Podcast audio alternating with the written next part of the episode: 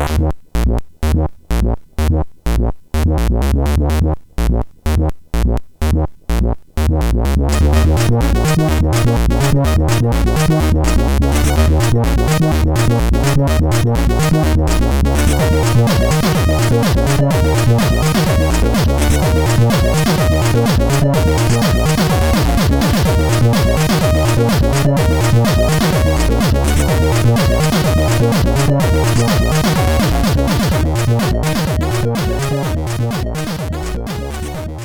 Sziasztok, ez itt a Checkpoint 8. évadának második adása. Hello, László! Szervus, Töki! És nagy szeretettel köszöntöm vendégünket, Nagy Csabát. Szervusz!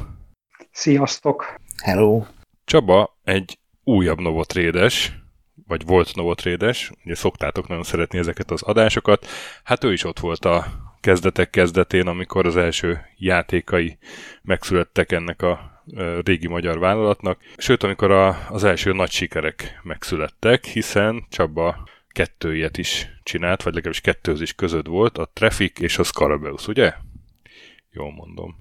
I- igen, ez a két játék, ami mellett ott szerepel a nevem szerzőként. Mielőtt ezekre rátérünk, a nyitó kérdésünk hagyományosan az szokott lenni, hogy mi volt a legelső videójáték, amivel te játszottál? Az első játék elektronikai játék volt, nem videójáték. Még általános iskolás koromban, a 70-es éveknek a közepén mentünk valami elektronikai kiállításra, és ott volt egy masina, amin ilyen karikák meg x-ek villogtak, most már szinte mindenki tudja, hogy ezt a játékot úgy hívják, hogy tiktaktó, uh-huh. és ezzel a gépen lehetett játszani. És hát akkor ugye én még iskolás voltam, és nekem nagyon tetszett ez, úgyhogy ahogy hazaértem, rögtön elkezdtem azon gondolkozni, hogy hogy, hogy lehet ezt csinálni. Arról már némi fogalmam volt, hogy, hogy milyen elektronikai alkatrészek meg ilyenek vannak, de a lényeg az az volt, hogy kitalálni, hogy ebben a játékban, ugye mi egy egyszerű 3x3-as kis amőba, ki nyer, meg hogy nyer. És akkor én azt ott kitaláltam, hogy, hogy hát ott bizony mindig a kezdő nyer, hogyha jól játszik, és azt is kitaláltam, hogy mit, hogy lehet csinálni. És Tulajdonképpen ez az a dolog, ami, ami engem mindig is érdekelt a programozásban, meg a játékprogramozásban is, az algoritmusok, hogy hogy lehet valamit uh-huh. megoldani géppel, ami egy ilyen érdekes feladat, de lehet, hogy az embereknek úgy egyszerű, meg jön ösztönből, de ők is gondolkozhatnak rajta. De az igazi, ját, az igazi játék, ami a, a mondjuk azt, amit ugye ismerünk, ez a, ez a ládatologatós, én uh-huh. rájöttem, hogy azt már gyerekkoromban játszottam, csak nem a, nem a számítógépen, hanem amikor el kellett raknom a játékokat, amik dobozokba voltak, és a szekrénybe, hogy férnek be azok jól. Úgyhogy hogy ez volt. Na, az igazi videójáték viszont, ami még mindig nem számítógépes játék, de videójáték, az egy pici kis Nintendo volt, amit már a középiskolás koromban az egyik barátomtól kaptam kölcsön, ez egy ilyen kis LCD kijelzős valami, amin fixen vannak figurák, és hogy melyik látszik, ugye az az, az LCD mutatja meg, és itt egy égőházból kellett kimenteni embereket, akik pattogtak a tűzoltóknak ezen a, ezeken a kiugróin, és két gombot kellett nyomogatni, hogy, hogy, hogy jobbra viszem a, ezt a ponyvát, amivel elkapom a kiugró emberkéket, vagy balra. Hát ezt annyira szerettem, hogy hogy egyszer az iskolából hazafele menet, már a buszon elkezdtem játszani, majd utána gyalog hazafelé, hogy a lépcsőn mentem föl, ott is játszottam, mert hegyoldalban laktunk, és, és nagyon ment. És hú, azt, azt közelítettem a rekordot, és a lakásba is be kellett menni, és akkor úgy, amikor éppen szabad volt az egyik kezem, akkor elővettem a kulcsot, akkor mikor megint szabad lett, akkor kinyitottam az ajtót, ugyanígy levetköztem, és így értem el benne a legjobb, a legjobb eredményt nagyon, nagyon érdekes volt ebből a szempontból ez a játék. És a programozással mikor ismerkedtél meg, mert a vakondoknak a verkfilmjében én láttam olyat, hogy mutogatsz egy 79-es oklevelet, amit a, a, a Staki és a KISZ által szervezett első budapesti számítástechnikai versenyen kaptál. Igen, igen. Nagyon érdekel. Tehát mondtam már ugye ezt, a, ezt az általános iskolai élményt is, hogy már akkor uh-huh. is érdekeltek ezek az algoritmusok, és én ilyen eléggé versenyszellemű voltam, uh-huh. meg szerintem még most is vagyok, és jártam mindenféle tanulmányi versenyekre, és volt az a programozói verseny, arra is, arra is elmentem, és ott, ott egyébként hát olyan feladatok voltak, aminek hát most ilyen feladatokat már nem is nagyon adnának föl, mert, mert ilyen leegyszerűsített gépi kódi utasítás rendszereket mondtak, és hogy abba valami valamit kitalálni, hogy hogy menjen meg, azért voltak. Tehát általában ilyen algoritmusos feladatok voltak. Uh-huh. Most ugye meg már a programozásnak a nagy része az már nem arról szól, hanem, hanem arról, hogy jó nagy kockákat hogy tolunk össze, és abból hogy áll össze egy, egy rendszer. Egyébként a gimnázium alatt is nekünk volt számítástechnika óránk. Én matematika tagozatra jártam, és ez a nyolcadik kerületben, Fazekasba, és ki kellett mennünk valahova Újpestre, nem tudom én, havonta egyszer, és ott voltak összegyűjtve ilyen, ilyen régi TPA számítógépek, amit ugye a KFKI koppintotta a PDP-kről, és mi azon programoztunk. Én azt is nagyon szerettem csinálni, egy csomó osztálytársnak megcsináltam a házi feladatát, beadandóját, játék. A játék szó az itt még sokat elő fog jönni, nem csak a videójáték kapcsán, hanem, hanem máshogy is. És ott az életjáték, ugye a Conway féle életjáték. Igen, igen. Engem az lenyűgözött, mikor az életéstományban olvastam róla, és ott megcsináltam az életjátékot, tehát olyan picibe Azta. fokál nyelven, ami egy ilyen teletype-on így írogatta ki sorba a, a dolgokat, és, és úgy, úgy működött. Szóval volt egy, volt egy ilyen alap, nagyon érdekes. Tehát az, az, az olyan volt az a, egy mostani fiatalnak, de még, de még mondjuk egy 40 évesnek is az a, az, a, az a világ, az teljesen más. Tehát az úgy nézett ki, hogy bekapcsoltuk a számítógépet, és akkor oda kellett ülnie a konzol elé, ahol a biteknek megfelelően voltak billentyűk, és ott beállítani a, azt a szót, ami van, mert ugye a byte az, az az, az egy szűkebb fogalom, tehát ezt nem emlékszem már, hogy hány, uh-huh, hány bites volt a, a szó, hogy beállítani, akkor megnyomni egy gombot, hogy ezt tárolja el és léptesse a következőt, következőt, következőt, és így ilyen szinten kellett bevinni azt a programot, ami utána képes volt arra, hogy lyukszallagról beolvassa már azt a programot, ami, ami futtatta a többit. Tehát fantasztikus ez a, ez a dolog ahhoz képest, ami most van. Volt egy osztálytársam, aki azóta antianyagokkal foglalkozik, tudományosan legalábbis utóbbi információm szerint. Liszkai Lászlónak hívták, és vele mi kitaláltuk annak idején később, hogy hát nincsenek igazán jó számítógépek, mert ez a Commodore 64, ez persze nagyon jó, de a Spectrum is jó, és akkor kéne csinálni valami olyat, ami, ami még mindegyiknél jobb, de hát persze ez teljesen hanvába volt, mert mit csináltunk volna mi itt innen két fiatal egyetemista. Szóval ő írt egy olyan programot, ami ezen a számítógépen, ami, trans, ami nem is integrált áramkörökből, hanem tranzisztorokból állt, és, és ilyen szobányi méretű volt, és írt egy programot, ami zenélt. Úgy zenélt, hogy ahogy az utasítások mentek egymás után, a ciklus hosszát szabályozva a hangfrekvencia jött ki. Na most ebből lehet arra is következtetni, hogy milyen sebessége volt annak a processzornak, hogy, hogy néhány utasítás egy, egymás után téve hangfrekvencia jön ki belőle. Hát ahhoz képest a Commodore 64 az néhány nagyságrendel gyorsabb volt, és ugye amit már sokszor mondtam sok helyen, hogy és most egy Commodore 64 ezerszer beleférne egy mobiltelefonba, mármint kapacitás szempontjából, vagy most már még többször.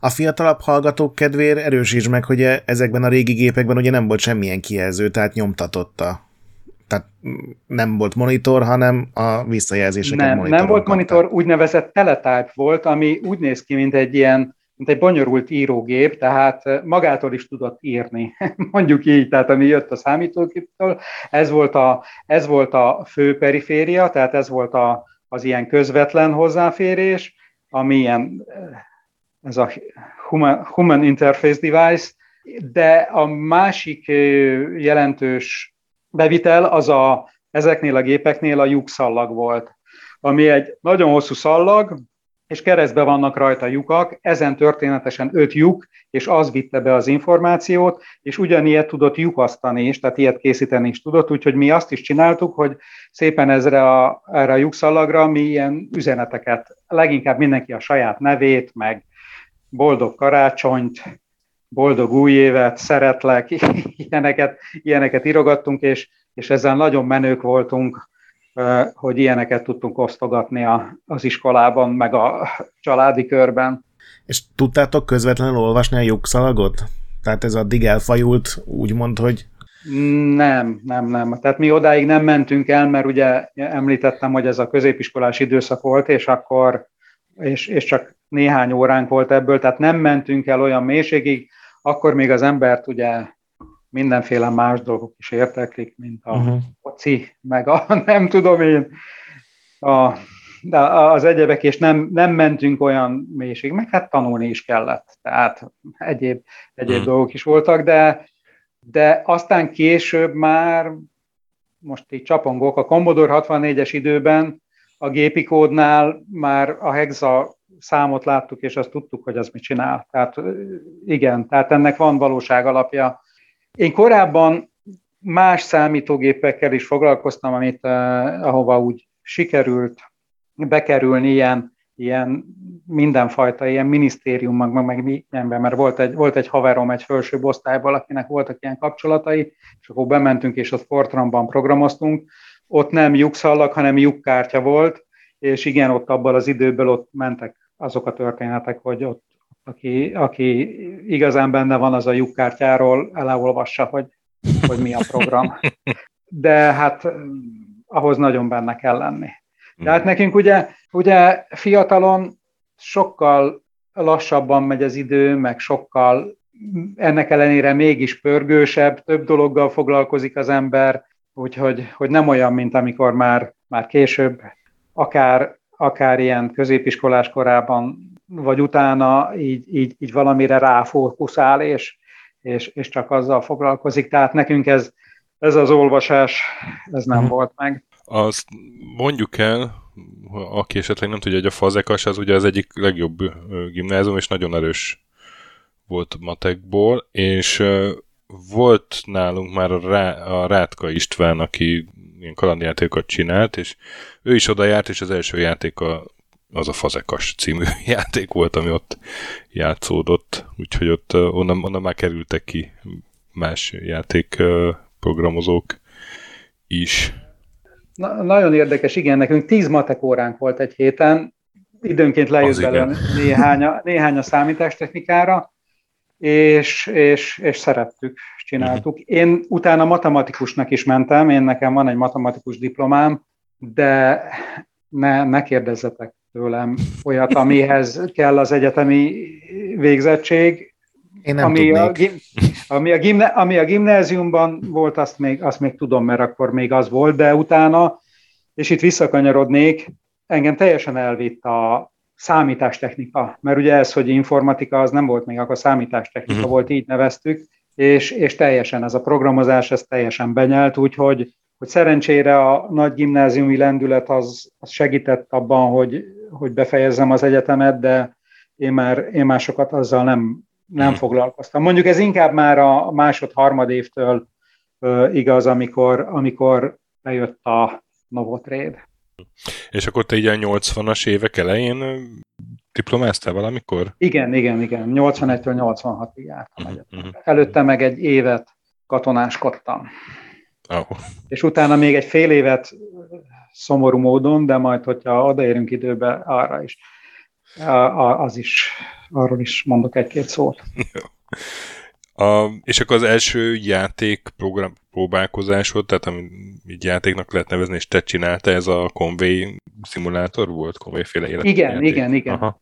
Igen, tehát azt még ugye megcsináltam abba a Fokál nevű nyelvben, uh-huh. és utána, mikor az egyetemre kerültem, ott már voltak ABC80 számítógépek, ezek Z80 alapú számítógépek voltak, és megcsináltam ott is ezt a játékot.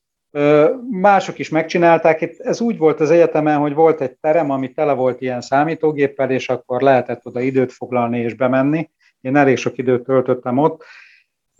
Ez még a Commodore 64 előtt volt, és nagyon érdekes volt annak a grafikája, mert karakteres grafikája volt, és karakterekből, így egy karakterből megvolt az összes változat, ami így háromszor két, két pixelre bontja le a karaktert, tehát azzal már egy elég jó kis felbontást lehetett csinálni a, a 40x25-ös képernyőn, és megcsináltam Z80 gépi kódban ott az életjátékot.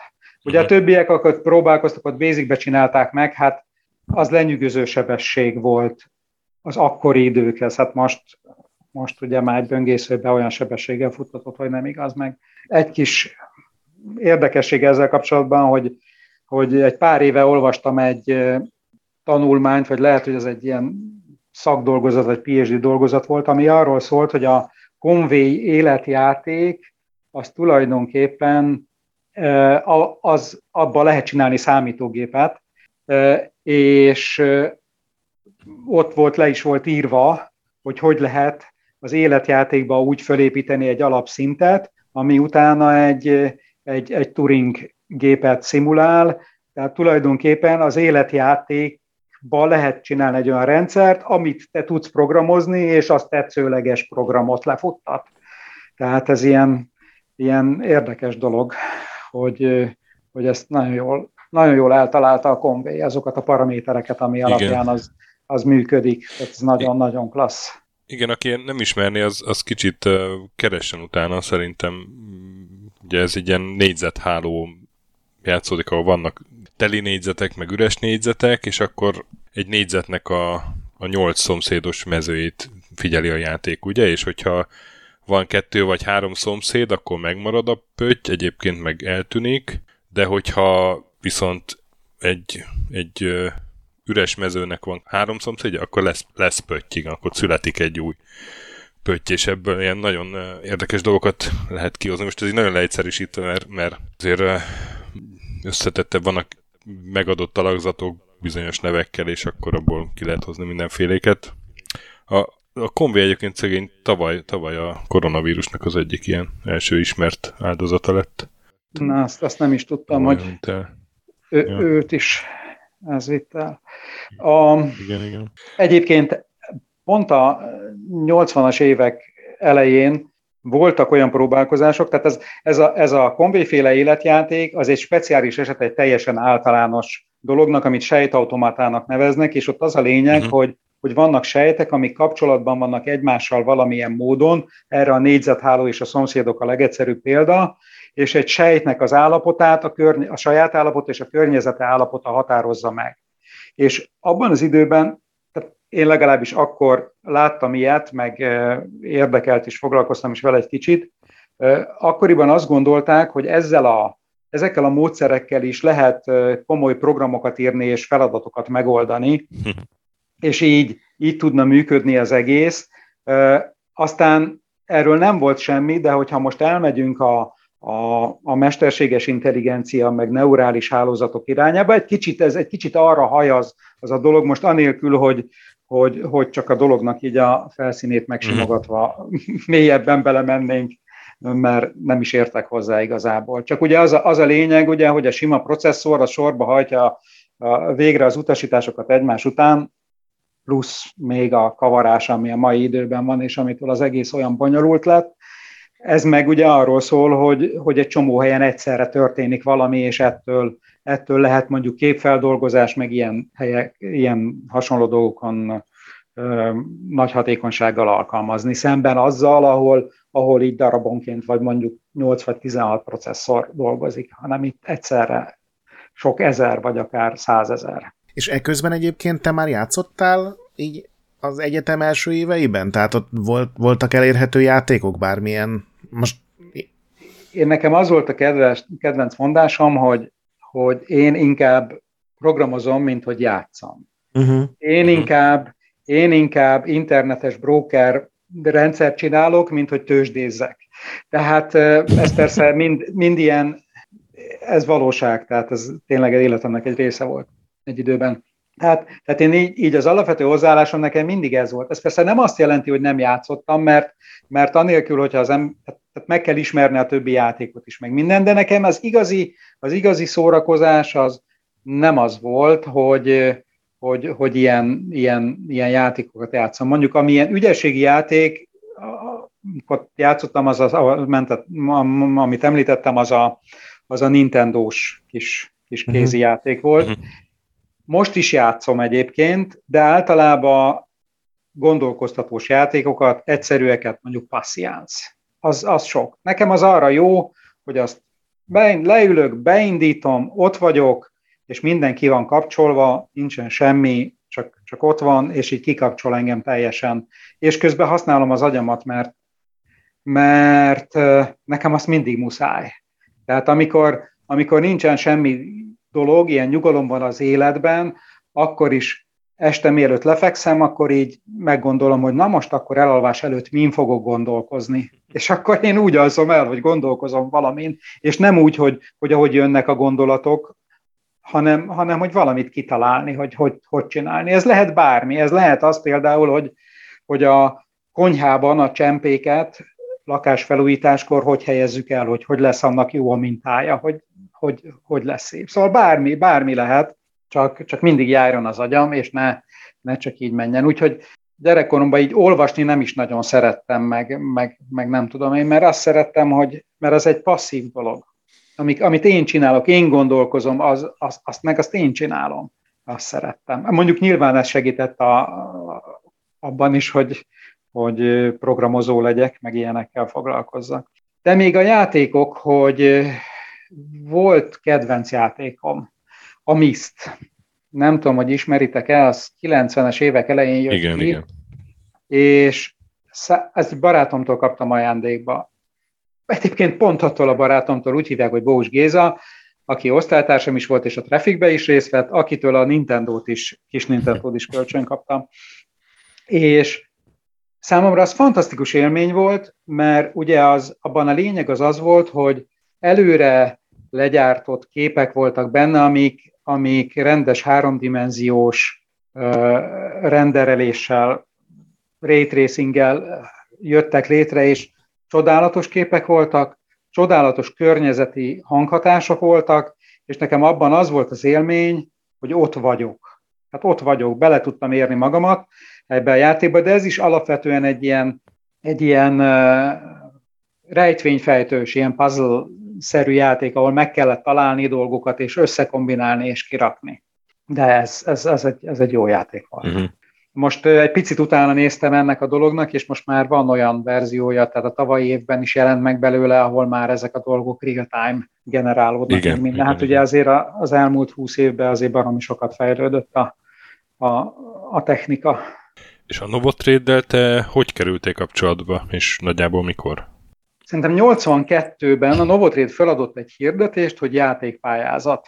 Hogy uh-huh. ezt a rádióban hallottuk, vagy újságban olvastuk, nem tudom, és hogy melyikünk, akkor ugye én egyetemista voltam, és akkor néhány osztálytár, vagy évfolyamtársunk hogy összedugtuk a fejünket, és azt mondtuk, hogy mi, nekünk vannak jó játékötleteink, és, és pályázunk, és ugye ez a Novotrade-nek a pályázata volt, és beadtunk körülbelül négy pályázatot, úgy emlékszem, aminek az egyike volt a Traffic. Ilyenek voltak még, hogy pók a biliárdasztalon, egyensúly, saktáblán, golyó egyensúlyozás, szóval ilyes, ilyesmi voltak, de a Traffic volt a lényeges. Háromra megkaptuk, hogy rejected, a negyedikre meg először nem, nem kaptunk semmit, és nem tudom, második vagy a harmadik körben mondták azt, hogy akkor most csináljuk meg a trafiket. És akkor most Bohus Gézát már említettem, Beleznai Ferenc, szintén évfolyamtárs, uh-huh. ők ketten osztálytársaim is voltak, a negyedik srác a Korányi Gábor volt, aki dolgozott benne, és ugyan a szerzők közt nem szerepel, de szeretném megemlíteni Beleznai Évát, aki a Beleznai Ferinek a huga, és a Bós Gézának a felesége. Akkor még nem volt a felesége, de, de ez nem véletlen. Ő segített nekünk, ő, ő rajzolta, ő festette ezeket a, mert ugye hát milyen módon adjunk be egy pályázatot. A, a rajzokat ő készítette el, ő segített nekünk a, a, a trafficnek a grafikájában és, és egyebekben, tehát én fontosnak tartom őt is.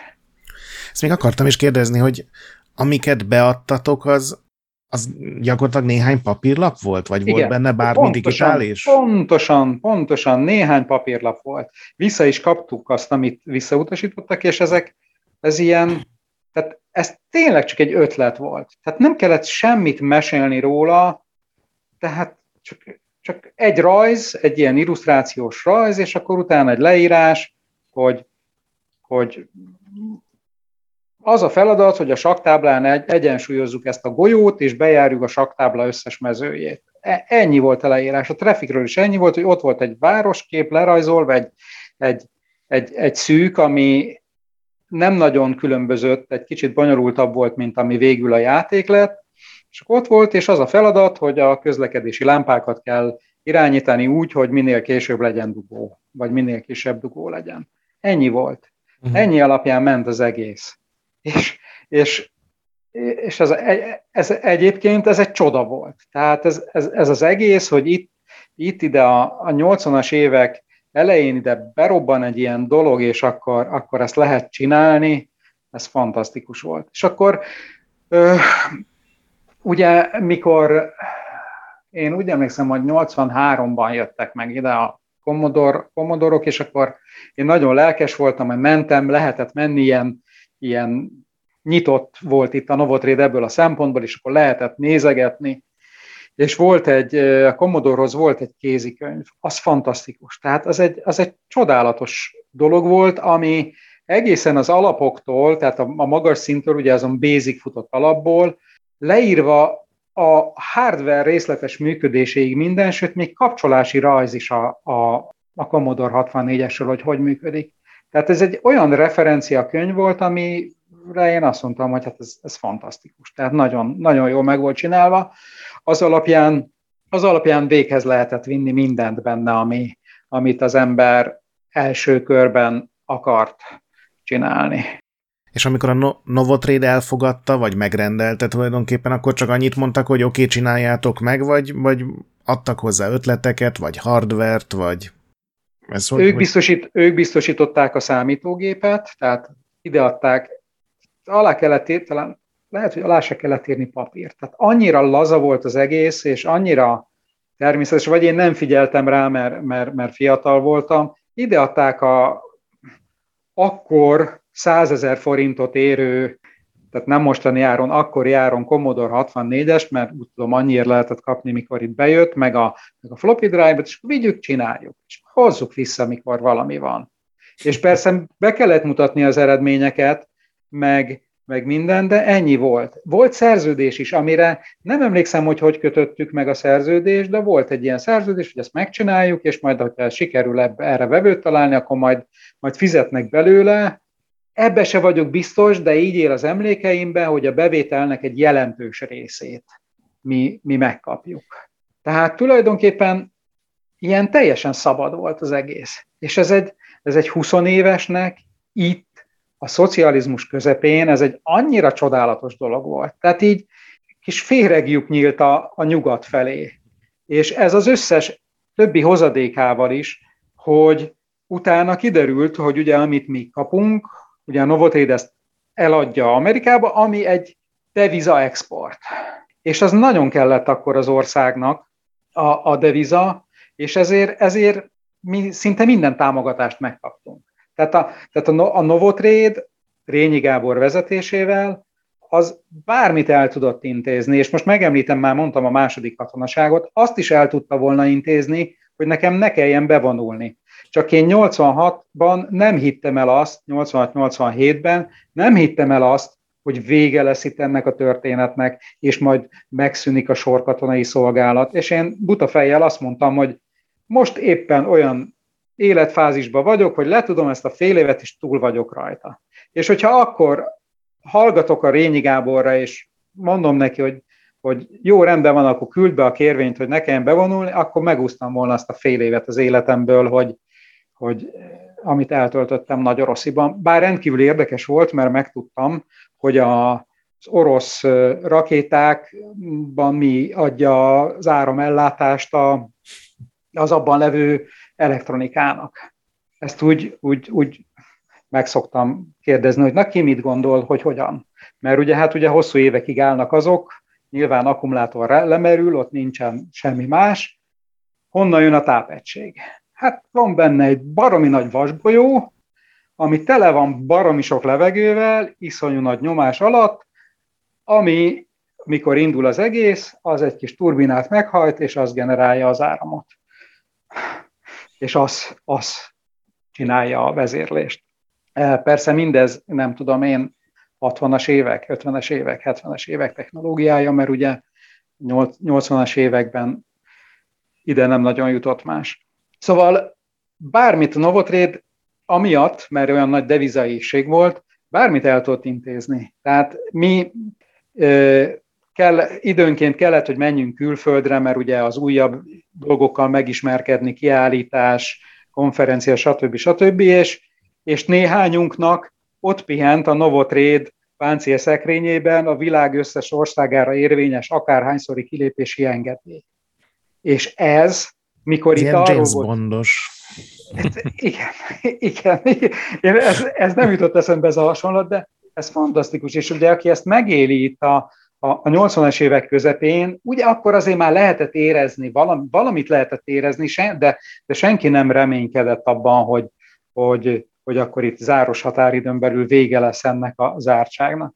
A másik része, hogy elég fair volt a rendszer abból a szempontból, hogy ugye mi termeltük a devizát, mert végül is mi termeltük, mert mi csináltuk a programot, megkaptuk a fizetésünket, megkaptuk forintban, át lett váltva minden, de kaptunk egy engedélyt, hogy annak bizonyos részét visszavásárolhassuk devizába, dollárba. Először ez azt hiszem 50% volt, aztán később, ahogy, ahogy ment, változtak a dolgok, ez följebb ment, és akár az egészet is vissza lehetett váltani dollárba, és hát ott volt a devizaszámla. A devizaszámlával mi jogosultságot szereztünk ahhoz, hogy a, hogy a diplomata ellátóba, a Konzumexbe elmenjünk vásárolni, ahol akár autót is lehetett venni. Ugye ezt abban az időben jó, én nem kerestem annyit, meg akikkel közvetlen közelbe voltam, nem kerestünk annyit, hogy most abból egy autót megvegyünk, de ott érted, ott, ott bemegyek és veszek egy, de ez hagyján, de ott tudtam venni tudtam menni dobozos üdítőt, és hogyha volt valami, nem tudom én, valami hétvégi baráti összejövetel vagy buli, akkor én vittem a dobozos üdítőt, és mindenki nézett, hogy ez honnan van, meg nem tudom én. Tehát rengeteg ilyen, rengeteg ilyen hozadéka volt.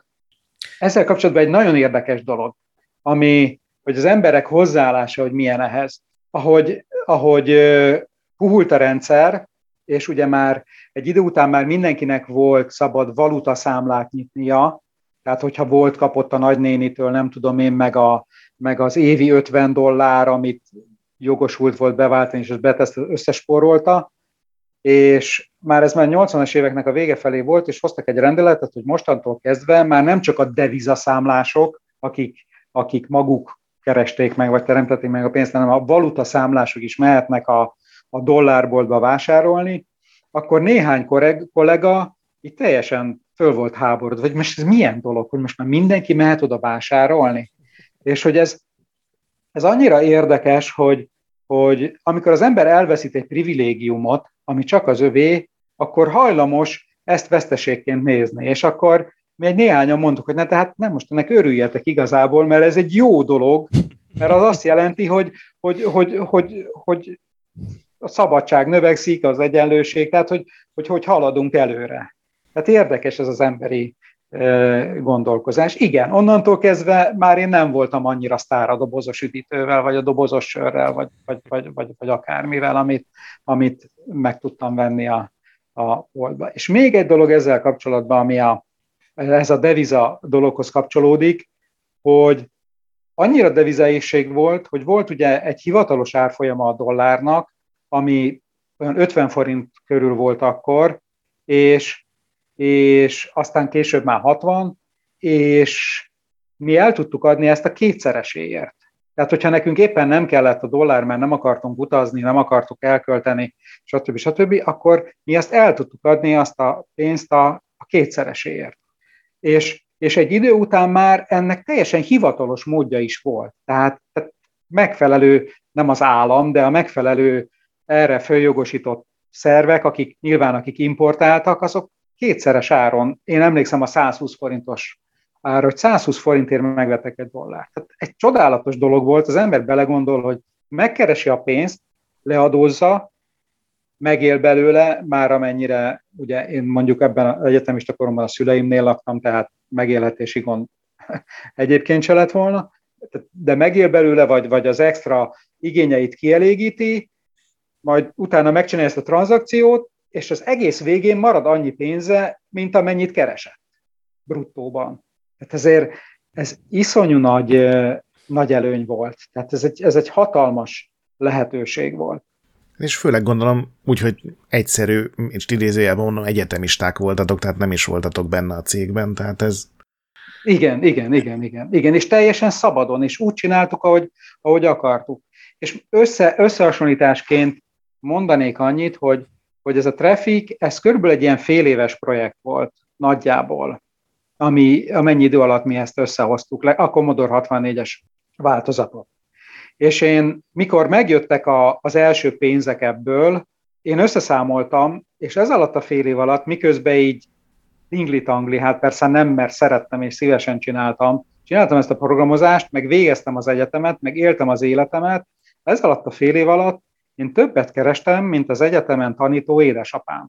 Tehát jól is lehetett vele keresni. Ez nem azt jelenti, hogy, hogy milliómosok lettünk volna, vagy, vagy valami ilyesmi, de nagyon jól lehetett keresni vele.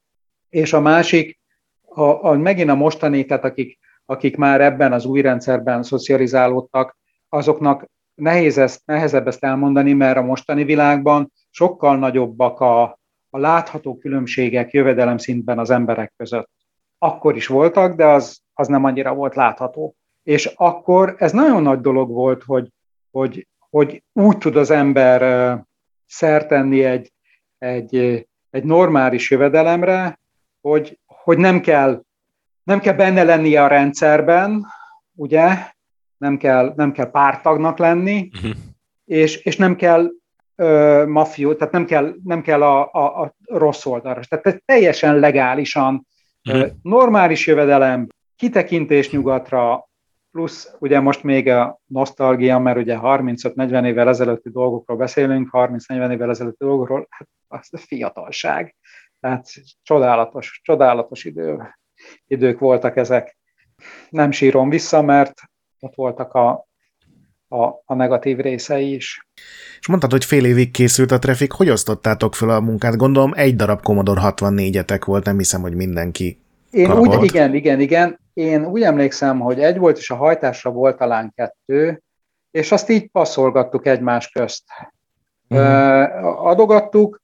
A feladat megosztás ugye az úgy nézett ki nagyjából, hogy, hogy meg kellett csinálni a, a, az alapalgoritmust, hogy hogy mennek az autók, hogy hogy, hogy jönnek a, hogy, hogy jönnek, hogy keletkeznek ezek, hogy keletkezik a forgalom. Az egészet ki kellett tenni a képernyőre, és kellett az egész alá egy zene. Meg ugye meg kellett rajzolni, tehát nagyjából e, így, így oszlott el a feladat, ez nagyjából öt, öt rész. És persze ugye most már kitalálhatjátok, hogy én melyik részét csináltam, hát azt, hogy hogy mennek az autók, és hogy gyorsítanak, és lassítanak, és hogy állnak meg a lámpára, és stb. az algoritmikus rész. Tehát így osztottuk el a, a feladatokat egymás közt. Nem teljesen, tehát négyünk közt teljesen egyenlő volt a, a, az elszámolás, nem vacakoltunk, nem néztük azt, hogy mi hogy működik. A ténylegesen feladatba való részvétel az persze nem volt egyforma, de hát így állapodtunk meg, és én azáltal, hogy mondjuk én igyekeztem az egészet legjobban összefogni, vagy én tettem bele a legtöbb időt, azt én nem ezzel a Commodore 64-es trafikkel kerestem meg, hanem utána azzal, hogy, hogy ezáltal én nekem egy nagyon jó kapcsolatom alakult ki a, a, a Novotrade-del, az ottaniakkal, és én tudtam tovább menni ezen a vonalon. A barátaim, a többiek ők nem foglalkoztak ezzel, ők, ők közelebb maradtak a szakmához, a, a matekhoz, illetve hát az éva az építészethez, mert ő, ő azzal hát foglalkozott, tehát ők nem, nem, és én mentem tovább, tehát nekem ez hmm. volt a hozadéka a dolognak. Meg hát gondolom az sem volt egy utolsó dolog, hogy a, hogy a kor egyik, nem tudom, csúcs platformján tudtál programozni, vagy azt megismerni. Igen, és, és nagyon-nagyon nagyon jó volt ez a, ez a gép. Tehát én előtte, ugye mondtam az ABC 80-at, uh-huh.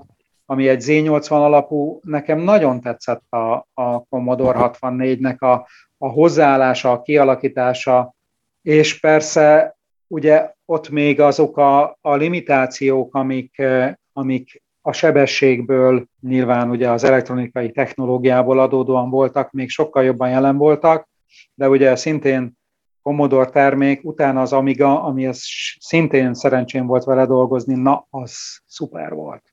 Uh-huh. Tehát az ott, ott az a, az a teljes bitmapes, rendes grafika, a színek, a hang, a rendes DA átalakító, az csúcs, plusz az, hogy 68 ezeres processzor volt benne, ami egy csodálatos a 80-86-os izé, Intel kutykurutyhoz képest, ami most is uralja a világot, de hát, de hát ez nem, nem, nem véletlen, nem tudom, de itt olyan összefüggések vannak, ugye, hogy a, ugye a 68 ezeres az Motorola volt. Ez, annak olyan csodálatos architektúrája volt a, a 80-86-oshoz képest, ez egy ilyen összevisszaság, és ezt, a, ezt az összevisszaságot még a, az egész 286, 386, 486 vonalon még végigvitték, most már nem tudom, most már annyira bonyolult a processzor, hogy én most már nem, nem is tudom, hogy az, hogy az hogy működik a sok rétegű kessel, meg a, ugye most egy kis, egy, egy kis szakmai rész a mai világból, hogy, hogy leírom a program utasításokat egymás után egy,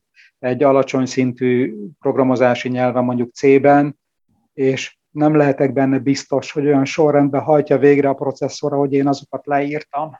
És ebből adódnak mindenfajta olyan problémák, amik, amik mondjuk vezethetnek egyébként egy nem megfelelően, tehát egy, egy programban akár, akár biztonsági résekhez is, meg egyebekhez is. Tehát, tehát nagyon, nagyon elment ez a, ez a világ. Én nekem ez nem, nem annyira tetszik. A, a, amikor olyan szép, ortogonális a rendszer, és mindent lehet tudni, abba, abba élvezett dolgozni. A zavarosba halászni van, aki azt is szereti, most ez persze csak hasonlat, hogy ilyen ilyen keszekusza rendszerben, és akkor, hogyha most akkor azt úgy csinálom, akkor igen, akkor az úgy hatékonyabb lesz. De szerencsére ezzel már nincs nagyon dolgunk, mert annyira felgyorsultak ugye a processzorok, hogy, hogy nem nagyon kell foglalkoznunk hardware közeli dolgokkal. Ugye a Traffic az egy elég nagy siker volt, annyira, hogy japán kiadónak, a Sony-nak is sikerült eladni MSX-re. Gondolom a üzletet nem te szerezted, de ha valami infód van erről, akkor érdekelne, hogy ez mégis hogy ment illetve a, a másik kérdésem pedig az lenne, hogy a, a fejlesztés a, van-e valami élménye, tehát a japánokkal milyen volt együtt dolgozni, meg gondolom valamennyire belefolytál ebbe. Sajnos nem sokat tudok erről mondani. Hogy milyen a japánokkal dolgozni, arról a kis Donát tud mesélni, és lehet, hogy már, már mesélt is egy korábbi adásatokban. Fantasztikus, teljesen más, teljesen más világ.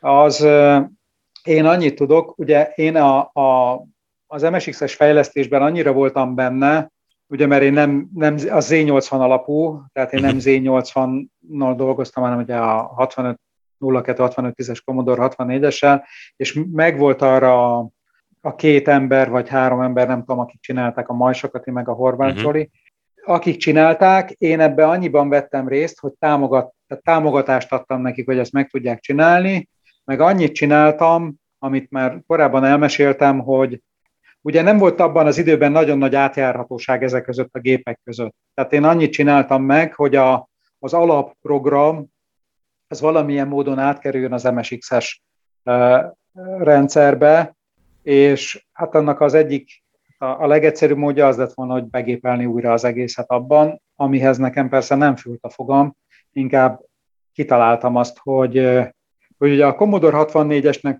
a jó specifikációja az megvolt, és ott annak volt egy ilyen kommunikációs portja, amit lehetett elég jól vezérelni.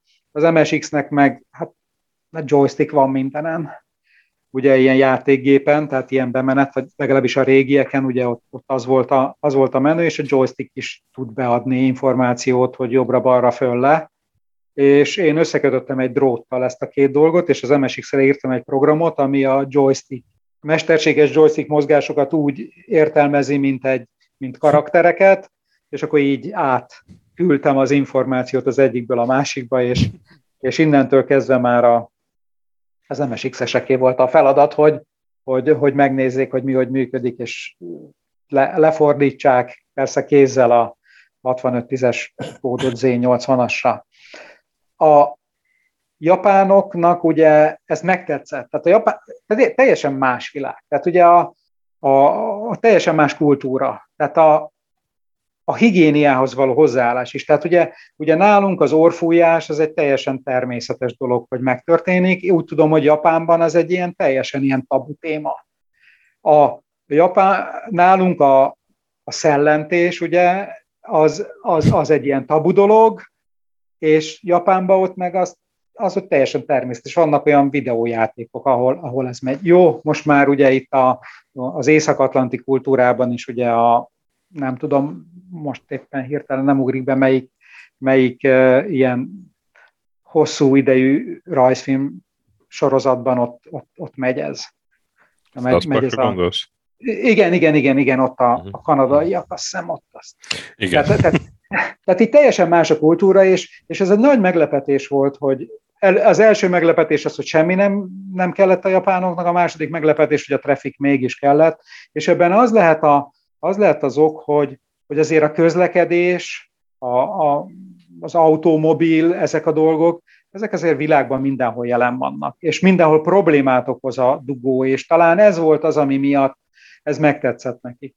Át Persze, kellett rakni jobb, jobbos közlekedésre? Vagy? Hát eleve jobbosra írtuk, hiszen ugye Angliába készült. Ja, hogy már direkt, úgy indult. direkt oda Igen, csinál. igen, Aha. tehát ugye, ugye az angol kapcsolat volt a Novotrade-nek a, a elsősorban, és, és utána át kellett írni balosra, mikor a Európa többi országába adták el a trafiket, meg, meg Magyarországon, meg mm, akkor, akkor igen. Tehát, uh-huh. tehát a trafik az tényleg az, az Ausztráliában is, Németország, Franciaország, tehát az, az, az, az nagyon, nagyon tetszett a, ez a dolog. Tehát mert, mert én azt gondolom azért, mert megfogott egy olyan problémát, ami, ami mindenhol jelen van, és rendkívül egyszerű volt, volt játszani, és, és lehetett, lehetett vele szórakozni. Hát most egy pár évvel ezelőtt kaptam valakitől egy levelet, hogy ilyen, nem tudom én, számítástechnikát oktat, vagy, vagy, vagy specit vezet, vagy valami ilyesmi, és hogy, hogy az egyik feladat az az volt, hogy, hogy böngészőben csináljanak valami trafikhez hasonlót, mert őt annyira lenyűgözte annak idején a trafik. Tehát ez benne van, és ami, a, ami még a trafikkel kapcsolatban így érdekes, és amitől amitől az egész ugye tudott működni, hogy a demo módban az úgy nézett hogy minden lámpa sárga villogóra volt állítva, és akkor mentek az autók úgy, ahogy tudtak. És ebben az alaphelyzetben is elég sokára alakult ki a dugó. Tehát, hogy valahogy, valahogy sikerült azt megoldani, hogy a, hogy a józanész, nem úgy, mint tegnap, mikor a József Attila útról akartam a Bajcsira kanyarodni, és nem lehetett, mert akik a Bajcsiról mentek tovább, a Károly körút felé, azok elállták az utat.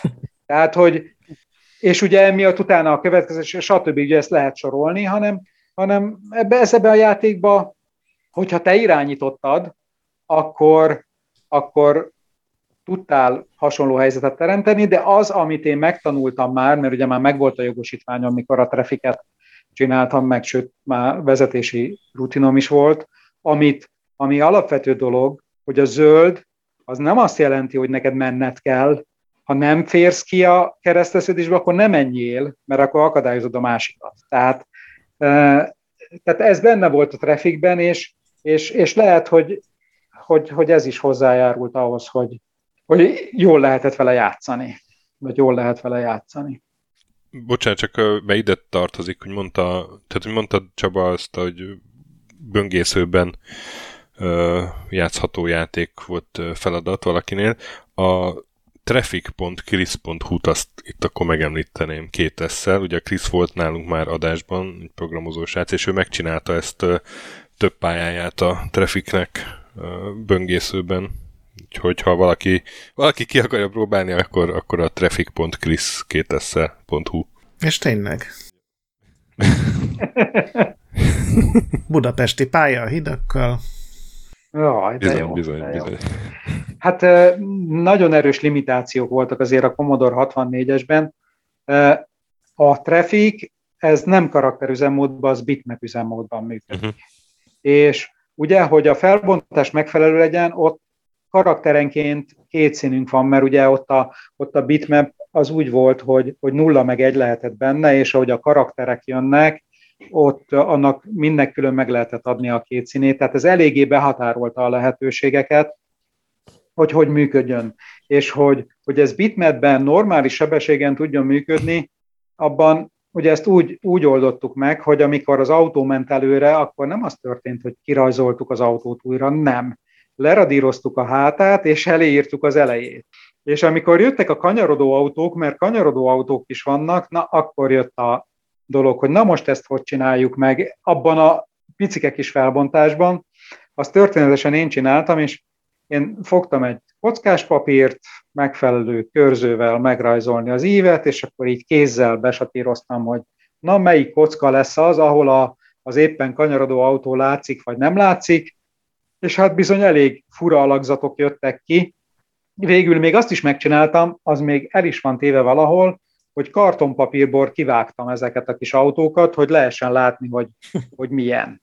Mert ugye, ugye, ahogy már korábban említettük, nem volt egyfolytában végig nálunk a gép, és akkor is kellett dolgozni, vagy lehetett valamit csinálni, amikor nem volt gép. És akkor így ezzel, ezzel a kanyarodó autót így meg lehetett oldani, hogy az ember így kivagdosta. Aztán ugye mozgásban ez már jobban néz ki, amikor mozog, akkor nem annyira tűnik föl, hogy mennyire recés a széle, és így tud működni. A, a játékban volt, ugye, volt az alapautó, azt tudott kanyarodni, volt talán még motorbicikli, ami kisebb volt, teherautó, ami hosszabb volt, meg, meg kamion, ami nagyon hosszú volt. Tehát, és ugye ezt, amikor, amikor bejött a képbe egy autó, ez a, ez a generálás része, akkor ő már előre tudta, hogy merre fog menni, ugye, hogy ne kelljen azzal, azzal vacakolni, és ugye a, csak a személyautók tudtak kanyarodni, és akkor az is meg volt előre, hogy az majd merre fog menni. És a japánoknak ez nem volt elég, és ők még annyit akartak, és szerintem ők hozták be a mentőautót, ami tulajdonképpen egy spécik és semmi különös nem volt, csak egy teherautó, ami egy picit, egy picit villogott, de hogyha az gyorsan átengedted, azért még járt plusz pont. Tehát ennyi, ennyit, ennyit tettek hozzá a japánok a, a, a, a játékhoz az ő igényeik szerint, ami szerintem egyébként jó ötletnek még nem jutott eszünkbe az elején. És amikor elkészültetek a Commodore verzióval, és leadtátok a Novotrade-nek, akkor onnantól kezdve mi történt? Tehát volt például tesztelés, meg találtak-e benne hibákat, vagy ők azonnal intéztek mindent a megjelenésektől kezdve? Hát az elején nem volt meg ez a most már ugye törvényszerű feladat felosztás, hogy, hogy amiben ott van a tesztelő is a fejlesztő mellett. Az ottani, ottani munkatársak nézegették, hogy míg, de akik nem tesztelők voltak, csak úgy megnézték, meg kiküldtük, onnan is jött vissza bug report, és akkor azokat, azokat javítottuk.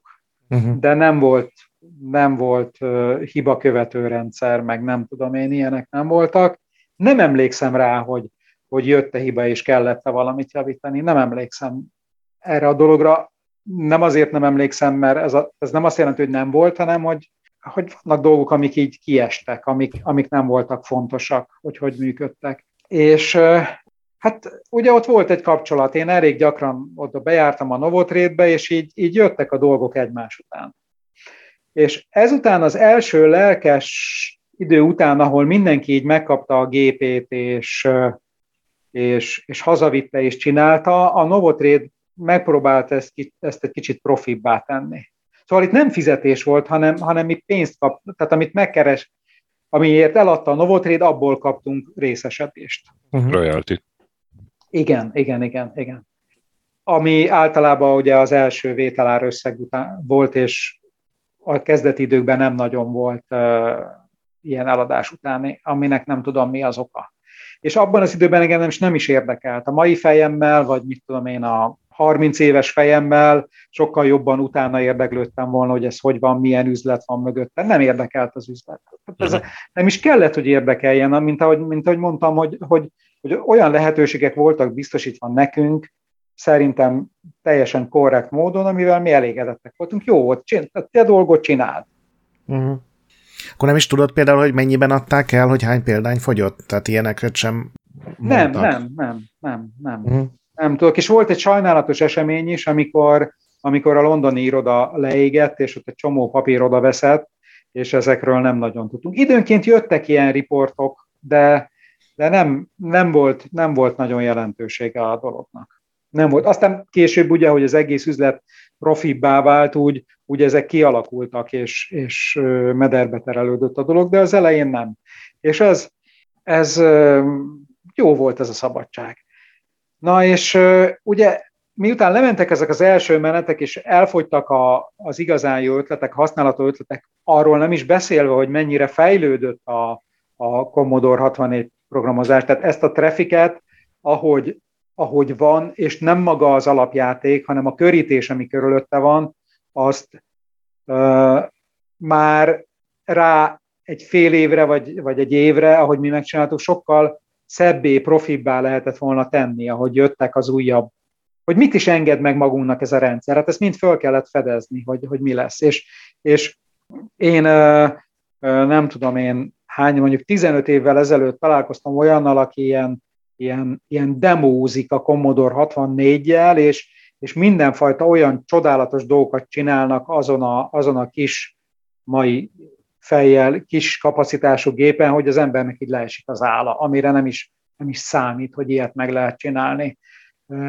rajta. De ez engem már, ez a része engem már nem, nem, nem érdekelt, nem vonzott.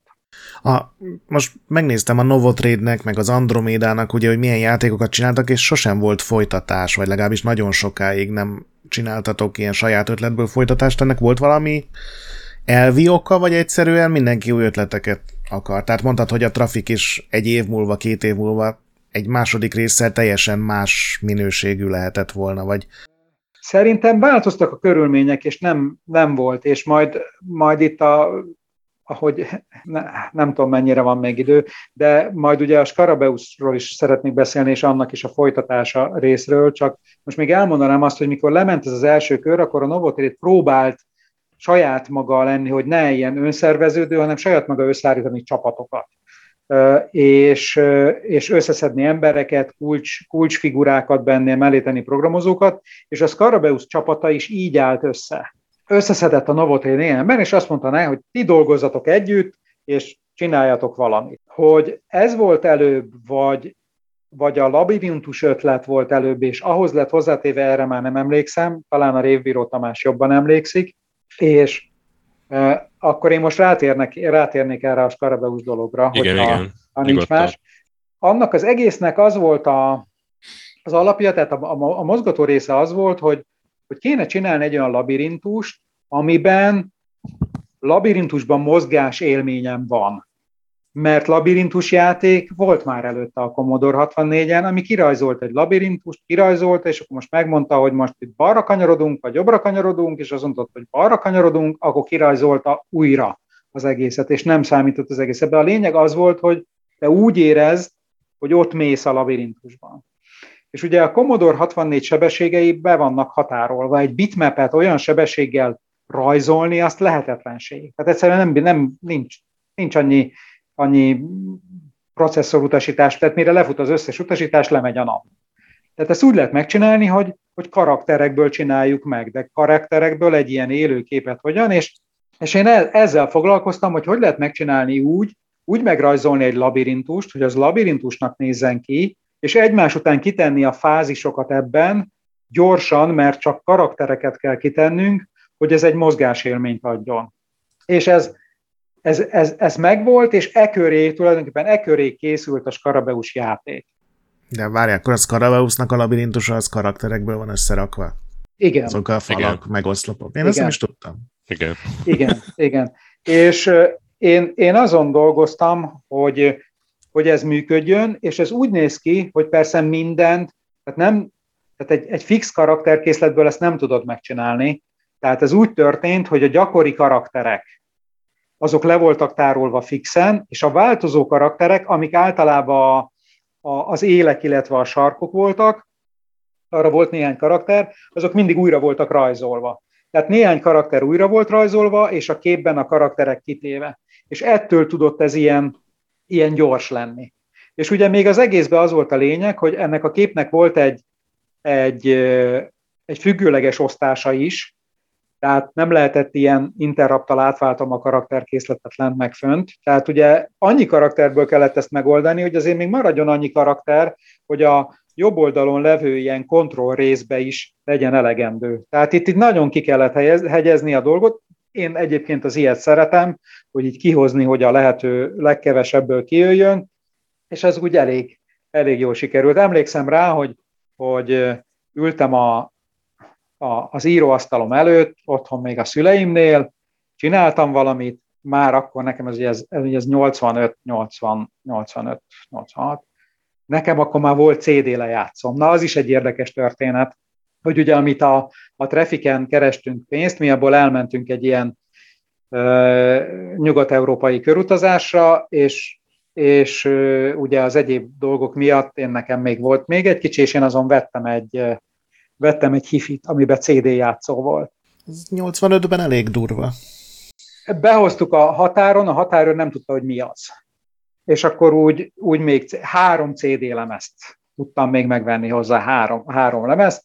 A határőr ugye nem tudta, lemezjátszó jó legyen izé az az amaz, de hát leadta a jelentést, hogy ez egy ilyen nagy értékű dolog, és a Nemzeti Bank megbüntetett, mert a legálisan megkeresett, legális pénzemnek egy nagyobb részén hoztam be eszközt, mint amit a törvények megengednek, és valami brutális összegű bírságot kellett fizetnem. És akkor így elfogalmaztam magamba, hogy ezeknek tényleg az lett volna jó, hogyha én kint egy kuplerájban elköltöm?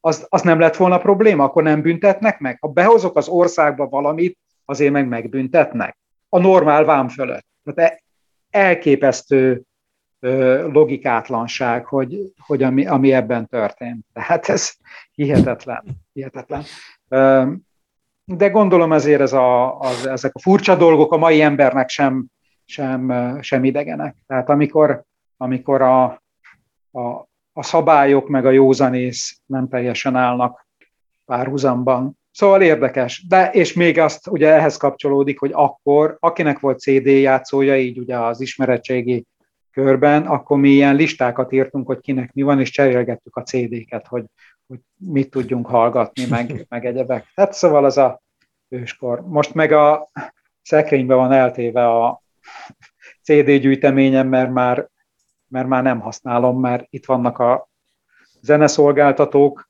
Egyébként legalább öt olyan CD-t tudok mondani a, a gyűjteményemből, ami egyik zenejátszón sincs. Sehol nincs, persze. persze. És, és utána érdeklődtem, és copyright problémák. Hát jó, érdekes. Jó. Persze, de azért... Sok koncertfelvétel például. Ilyen koncertalbumok. De ez, ez, nem, ez nem koncert, ez egyik uh-huh. se mhm. koncert, ez mind, ez mind uh, stúdiófelvétel. Aha, aha. Hát azokból meg a koraiak szoktak problémásak lenni az ilyen első albumok magyar előadóknál. Még az, mert azt megértem, hogy a, hogy a Vangelisnek a, a korai uh-huh. zenéje, amit ő maga letiltatott, hogy ne adják ki, aztán uh-huh. ugye Kalózbait kiadták, azt megértem, hogy nincs fönn. Na de, na de miért nincs fönn Ellen Parsons Project, meg Art of Noise, meg nem tudom én ilyenek, akik oh. stúdió, stúdió felvételek. Tehát most csak, csak kettő, ami eszembe jutott, ami nincsen, nincsen fönn. Igen, ezeket én is szoktam hallgatni, amiket mondasz. ja, és az ugye, hát volt otthon videóton rádiónk, meg megint egy kicsi, ezt most nem tartozik, nagyon nem tartozik ide, de azért, azért elmondom, hogy ugye az URH, mert akkor még nem Bartok Rádió uh-huh. volt, hanem URH, és akkor azt megcsinálták itt a Magyar Rádióban, Vadrofon kísérleti adás volt, és leadtak egy műsort, ami egyszerre ment az URH-n és a Petőfin sztereóba, és így jött ki a kvadrofon. És én emlékszem rá, akkor átrendeztem a szüleim lakását, és akkor én hallgattam kvadrofonba azt, a, azt az adást. Most meg ugye már ez, ez, ez máshogy működik. Ja, és ugye mert, mert azt akartam mondani, hogy a Super Videoton mm. rádió, meg mit tudom én, és akkor utána uh, hazavittem ezt a hifit, bekapcsoltam, és, és, és igazából az volt, az volt az érzésem, hogy, hogy mint hogyha ott lenne a zenekar a szobában. Uh-huh.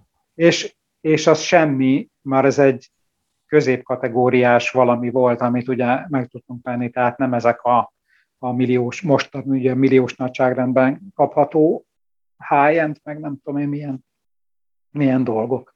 Volt szerencsém olyat is hallgatni, egy élmény egyébként egy ilyen stúdióba elmenni, ahol ilyet árulnak jó helyen, annyira olyan profi eladók vannak, meg minden, és megmutatnak mindent, amire az ember kíváncsi, és és, és igen, és amikor azt mondja, hogy igen, ez a hangfal, igen, ez 30 millióba kerül, de hallgassam meg, és tényleg hallom azt a hajszálnyi különbséget, ami, ami benne van, de, de hát majd egyszer talán... Kiad ki 30 milliót egy hangfalért.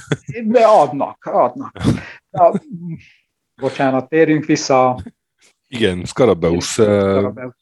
Mennyi, mennyi ideig készült a fejlesztés. Ja, ja, igen, és ezt az egészet azért kezdtem el mondani, mert ahogy csináltam én ezt a, ezt a részt, én körülbelül, szerintem körülbelül egy hét alatt, vagy két hét alatt megcsináltam a labirintust.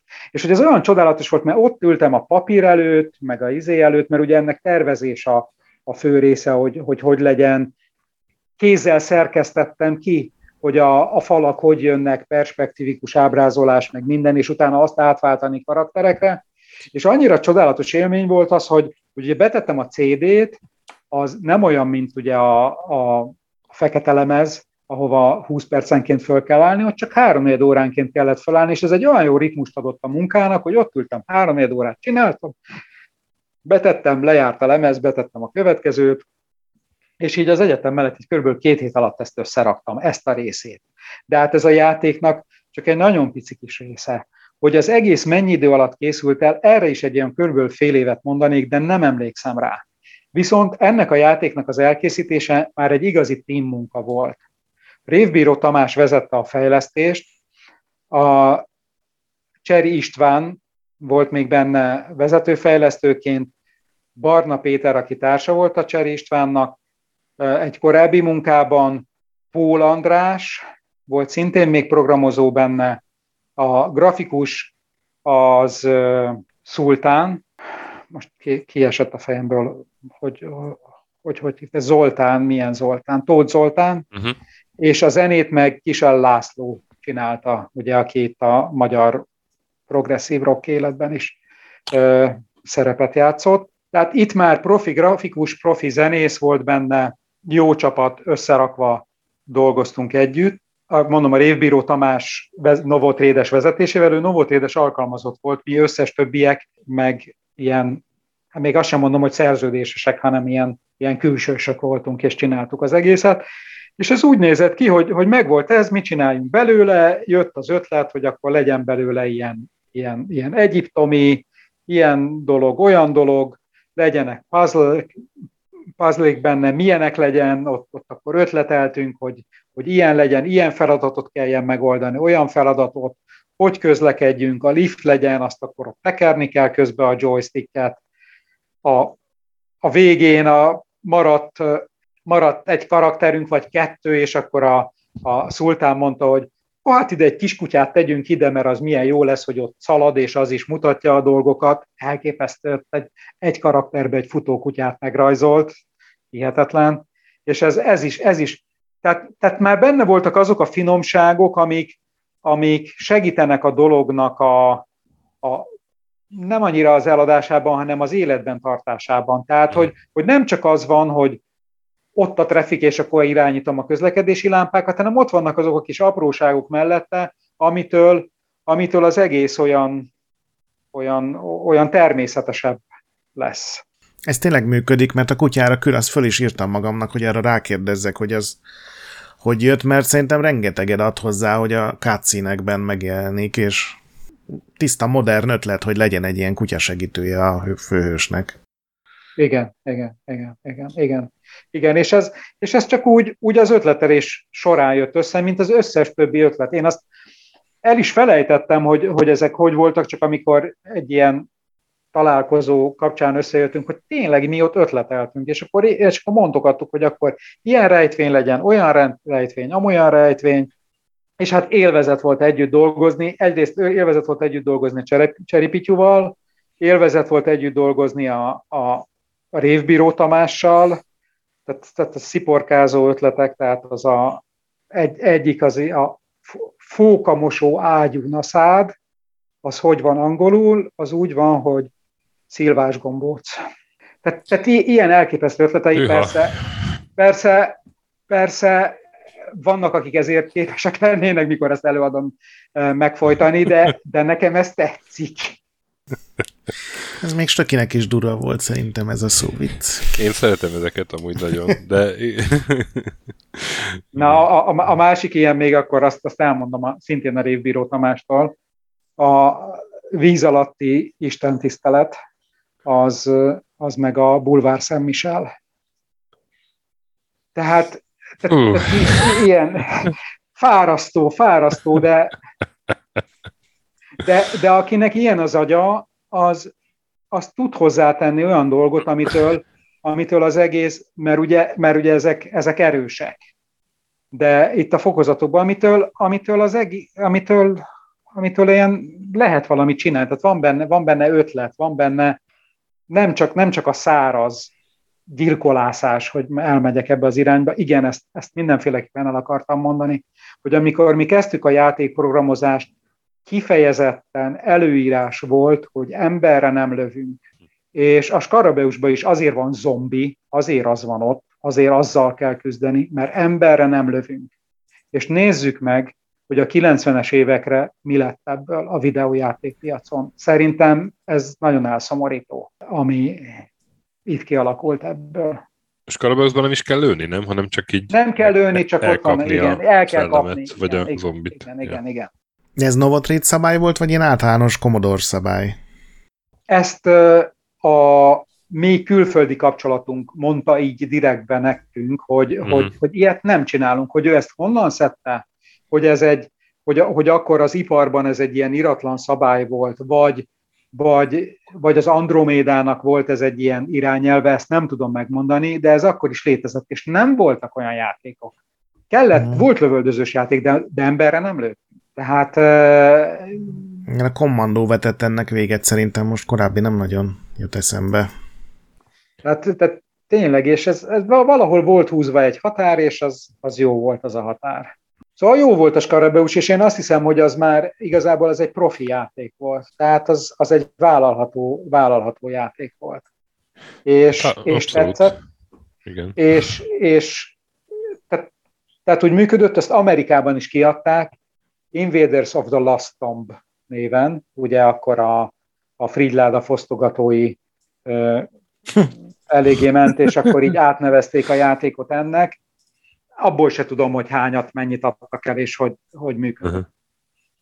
És ilyenkor például nektek kellett egy új címképernyőt csinálni, vagy azt igen, akkor igen, ők elintézték? Igen, igen, Aha, igen. Tehát akkor tudtatok igen, róla. Igen, és ez általában a kikötés volt, hogy tehát igyekezett a Novotrade úgy csinálni, hogy az átírásokat, tehát hogyha fölmerül egy átírás, akkor azt mi csináljuk meg. Tehát, hogy, hogy kvázi tartani a, a bizniszt, plusz a Novotrade-ben készült egy csomó átírás is.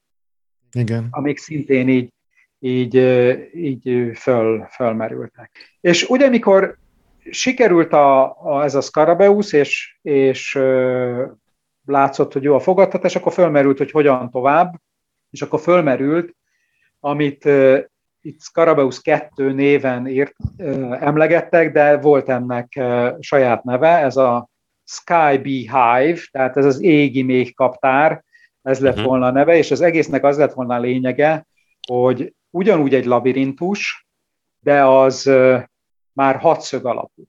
Tehát innentől kezdve ugyan, ugyanaz lett volna, és hatszög alapú, a képernyő megosztás az már, az már máshogy lett volna, tehát egy kicsit már, tehát ugyan, ugyanez, a, ugyanez a dolog, hogy, hogy lerajzoljuk ugyanúgy karakterekbe a, hat, a labirintus, de, de más, más irányba, és, és ugyanúgy köré tenni egy tölteléket, és akkor ugye az egyiptomi piramis, vagy a piramis vonaltól inkább egy ilyen, egy ilyen űrhajós vonalba elmenni.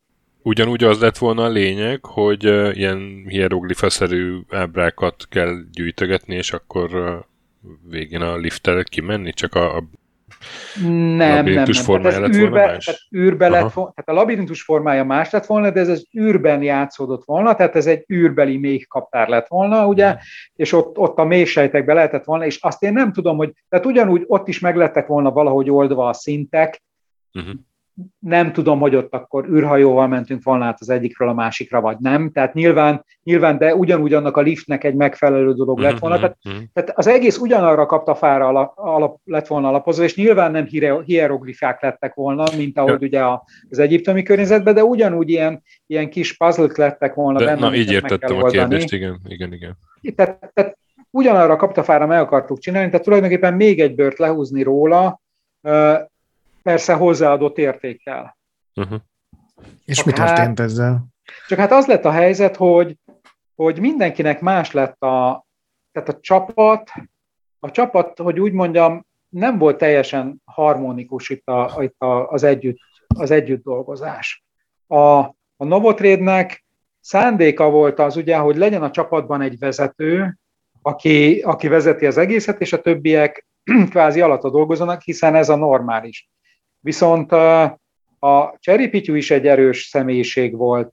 Én nem szeretem, hogyha ha főnök van fölöttem, így ugyan én személyes ellentétet nem tudok mondani, hogy lett volna köztünk, de tulajdonképpen ez is lehetett egy oka annak, hogy ez nem ment tovább. Ugyanúgy a, az életbeli helyzetek is mások voltak teljesen. Én nekem, én nekem nem volt fontos, hogy legyen most még egy másik munka, mert, mert csúran csöppent mindenfajta egyéb dolog is ott a, ott a Novotrétben, amit, amit lehetett csinálni. Például játékok magyarosítása, lemezről áttérni kazettára, egy csomó ilyet csináltam a, a Novotrédnek, és, és, és nem ment. Mások voltak az érdekek, és így, így szétment az egész. Nem, nem volt az, nem tudom megmondani, hogy a konkrét oka mi volt. Cseri Pityúnak már családja volt, ő neki az volt az elsődleges, nyilván más a hozzáállása, a többieknek komoly főállásuk volt, amit, amit csináltak, most programozókról beszélek, amit nem akartak föladni, ami, ami mellett máshogy megy a dolog, tehát így, így elmúlt sajnos. Nem tudom, mi lett volna. Lehet, hogy, ez, lehet, hogy ebbe benne volt az én, én ugye katonaság dolgom is, de szerintem az már később volt, mert hogyha ez konkrét munka lett volna, akkor, akkor nem lett volna az, amire mondom, hogy éppen, éppen olyan volt a helyzet, hogy, hogy nem, volt mit, nem volt különösebb dolog. Tehát, tehát ez, ez így, így szűnt meg. És nem ez volt, a, nem ez volt az egyetlen, egyetlen kudarc, mert voltak más kudarcok is. Szintén a már említett Liszkai Lacival mi próbáltunk, próbáltuk megcsinálni a, a beszéd lejátszást a Commodore 64-en, ugye, ami az Impossible Mission játékban uh-huh. Destroy him, my robots. Elég, elég jól ment, és egyszerűen nem sikerült megfognunk a dolgot. Nem sikerült. Dolgoztunk, már annyira dolgoztunk rajta, hogy már, már beszéltek róla, hogy a Novotrade-nek is lesz ilyen, és nem jött össze. Nem tudom, hogy, nem tudom, hogy mi volt a trükkje a dolognak, de nekünk nem sikerült megcsinálni. Tehát hiába azokat a technikákat alkalmaztuk, amik, amiket tudtunk, hogy ilyenkor kell, nem jött össze. Tehát abban volt valami, ami, ami, amitől tényleg működött a dolog. Tehát egyszerűen nem, nem volt érthető a hang, tehát uh-huh. nem, nem, nem működött. Ami persze már egy későbbi amigás időben, ahol rendes DA van, ott, ott ez nem, nem probléma. Ott a, azok a standard módszerek, amiket mi próbáltunk alkalmazni, azok nem mentek. Csak ugye ott a Commodore 64-en ezzel, ezzel erősen trükközni kellett valamit. Tehát ele, eleve volt egy trükk benne, hogy egyáltalán hogy, csinál, hogy csinálsz egy bit átvitelt, és az hogy, hogy jelenik meg a hangszórón, de az nem volt elég, amit mi gondolt. A másik ilyen kudarc volt, Cseripityúval együtt szenvedtük el a Lotus Turbo Esprit játékot Z80-ról kellett átírni Commodore 64-re, és abba beletört a bicskánk. Egyszerűen nem, nem sikerült, kevés volt az idő, lejárt a határidő, és hiába tettünk bele iszonyú mennyiségi időt, még kint, még Angliába is kimentünk, hogy ott dolgozzunk, már keresztfejlesztő rendszerrel, Atari estén fejlesztettünk Commodore 64-esre, és hiába toltuk ét nappal átéve, egyszerűen nem, nem jött össze az a játékélmény, amit, amit a Z8-on meg, Z8-os processzoron meg tudtak csinálni. Nem jött ki. Az is egy ilyen közlekedős játék volt, ugye egy, egy ilyen Lotus kocsival volt ilyen üldözéses dolog, és, és egyszerűen nem jött össze. Úgyhogy ez is. De ez egy, ez egy érdekes volt, mert úgy terveztük, hogy egy hétre megyünk ki, és akkor ott befejezzük, aztán végül három hét lett belőle, és nem sikerült. És viszont én megértettem ott, ott akkor, hogy Angliában miért vannak szellemek a, a házakban, mert a, az iroda, ahol, ahol dolgoztunk, ott bizony jártak a szellemek, nyikorogtak a, tehát ilyen fa szerkezetű volt a, az épület, és, és, és azok, ahogy a, ahogy a szél mozgott, vagy valami, vagy a hőmérséklet változott, az, az, az ott nyikorgott. És akkor rájöttem, hogy hát nyilván ezek a, ezek a szellemek, amik járkálnak. De ez a Lotus, ez megjelent, ugye? Vagy azt nem te, nem ti csináltátok, ami végül megjelent? Nem, nem, nem. Nem. Aha. nem. Azt szerintem az lett utána, hogy, hogy hogy valakinek átadták, amit mi csináltunk, és akkor azzal valaki csinált még valamit. Nekünk mi itt egy komoly idő, tehát most képzeld el, hogy egy családos ember, ugye a Pityúról beszélek, ő ki, úgy van, hogy kiutazik egy hétre, és három hét után már nyilván nem uh-huh. akarott maradni, még akkor sem, hogyha én nekem meg, nekem meg mindegy volt kvázi, hogy, hogy itt vagyok, vagy ott. Ez, ez persze nem igaz, csak, csak hát ez is, ez is benne volt a, a dologban, hogy ez, ez nem sikerült. A saját játékok is ekkora hajtással jártak? Tehát a Scarabeus is ilyen asztal alatt alvós időszak, meg ilyesmi? Ez általában úgy nézett ki, hogy amikor milestone volt, tehát határidő, részhatáridőhöz értünk, vagy akár végső határidőhöz, akkor össze, tehát ugye mindenki külön dolgozott, és a határidő előtt összegyűltünk. Ez a trafficnél is így volt, és amikor összegyűltünk, mert ugye akkor mindenki megírta a maga részét, és össze kellett rakni. És ez az mhm. összerakás, ez egy ilyen kézi művelet volt, ez nem, nem úgy, mint most, hogy kollaborációban csinálom, és akkor automatikusan megy az egész dolog.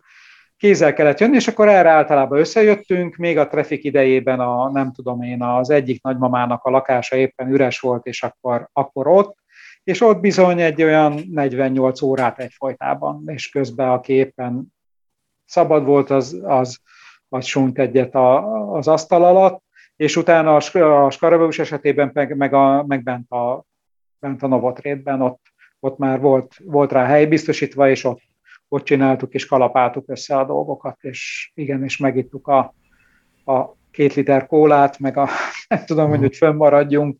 Igen, ez így volt. Tehát ez így, így működött. Ez a dolognak a, a jellegéből adódott, mert, mert hát ugye külön munka, és akkor össze kellett rakni, és akkor persze ott mindig jöttek a nehézségek. És akkor kiderült, hogy mi hiányzik még, és azt gyorsan beletenni, hát így ezek voltak. Nem tudom, hogy hogy bírtuk, illetve tudom, fiatalak voltunk. Igen. Tényleg 48 órát kvázi egyfolytában dolgozni, azért az, az, az kemény. Az kemény. Én most, hogyha nem alszom meg a 8 órát, és már több mint 18 órája ébren vagyok, akkor már alig bírok magammal. A ját- játékfejlesztést te mikor hagytad abba, és uh, miért? Ugye mondtam, hogy én elmentem katonának fél évre, az eléggé uh-huh. kizökkentett, és utána már, tehát az alatt az idő alatt már nagyon megváltozott a, a, a Novotrade, és már akkor is volt nem csak játékfejlesztés, hanem egyéb dolgok is. Tehát uh-huh. szintén a Cherry együtt mi csináltunk egy EasyScript átírást, az egy ilyen szövegszerkesztő program volt Commodore 64-re, és át kellett tenni egy talán Atari 800-asra, vagy valami ilyesmi. Tehát, tehát már ezek benne voltak, nekem voltak benne, hogy említettem, ami, ami nem kifejezetten játékprogramozás, de ahhoz kapcsolódik, hogy kazett, vagy lemezről áttenni kazettára, kazettás gyors töltőt csinálni hozzá, egyebek. Illetve volt még egy, egy nagy projektünk, most nem akarok belemenni a részletekbe, de ez a japán dologhoz kapcsolódik, meg Kis Donát biztos sokat mes, vagy mesélt róla, a, a Nintendo konzolnak, a, a réginek arra csinálni egy fejlesztő rendszert, mert ugye Japán nagy piac, meg a Nintendo az nagyon jó, és teljesen zárt rendszer volt, nem engedtek senkit hozzáférni, és mi, mi ugye magyar gyerekek meg akartok mutatni, hogy hogy mit tudunk úgy is fejleszteni rá, hogy teljesen titkos a rendszer, és ez végül össze is jött, és még még valamennyi pénzt is kerestünk vele ezzel a fejlesztőrendszerrel. Utána a Novotrade még egy baromi sok pénzt keresett ezzel, de változtak az idők, tehát a, amikor már nem kis Donát volt a vezető, akkor már, már nem úgy haladtak a dolgok. Tehát, tehát az, az elején levő szabadság az nagyon jó volt, és hogy egy, egy, egy ment át ebbe a, a profi üzemmódban, meg plusz még hozzá a vezetőváltás, az, az, az megváltoztatta a történetet. Szóval utána én ott próbáltam, tehát utána visszailleszkedni, és még egy, még egy kis ideig volt játék, kísérlet, próbáltunk egy ilyen úgynevezett night time futball, ami amerikai futball lett volna lovagi környezetben. Elkezdtünk egy ilyet csinálni, de abból se lett, végül abból se lett semmi. De az már egy ilyen több platformos dolog volt, a PC is, meg Amiga, meg, meg, meg ilyenek. Plusz még hozzátartozott az, hogy ugye akkor már jött jobban ez a, bejött már, tehát, tehát ugye a, vált, a változások a rendszerben jöttek elő, és és már a saját KFT alapítás, és akkor sokan a Novotrade-ből azt mondtuk, hogy mi most saját lábra állunk, és mi mhm. alapítunk KFT-t, és mi próbálunk valamit csinálni, és abban a munkaszerzések már, hogy milyen munka legyen, az már sokkal inkább a, a játék fejlesztésen kívül volt. Persze a Novotrade-ben ott maradt a játékfejlesztés, csak én ugyan, de kimondom a nevet, a Császár András, aki mhm. én dolgoztam, én dolgoztam vele de nincsen túl jó véleményem az ő hozzáállásáról, meg ami konkrét kárt okozott nekem, az, az nem igazán zsebre tehető, és én nem tudtam vele együttműködni. Tehát így, így, így nem nagyon fér bele. Többiek, többiek próbálkoztak,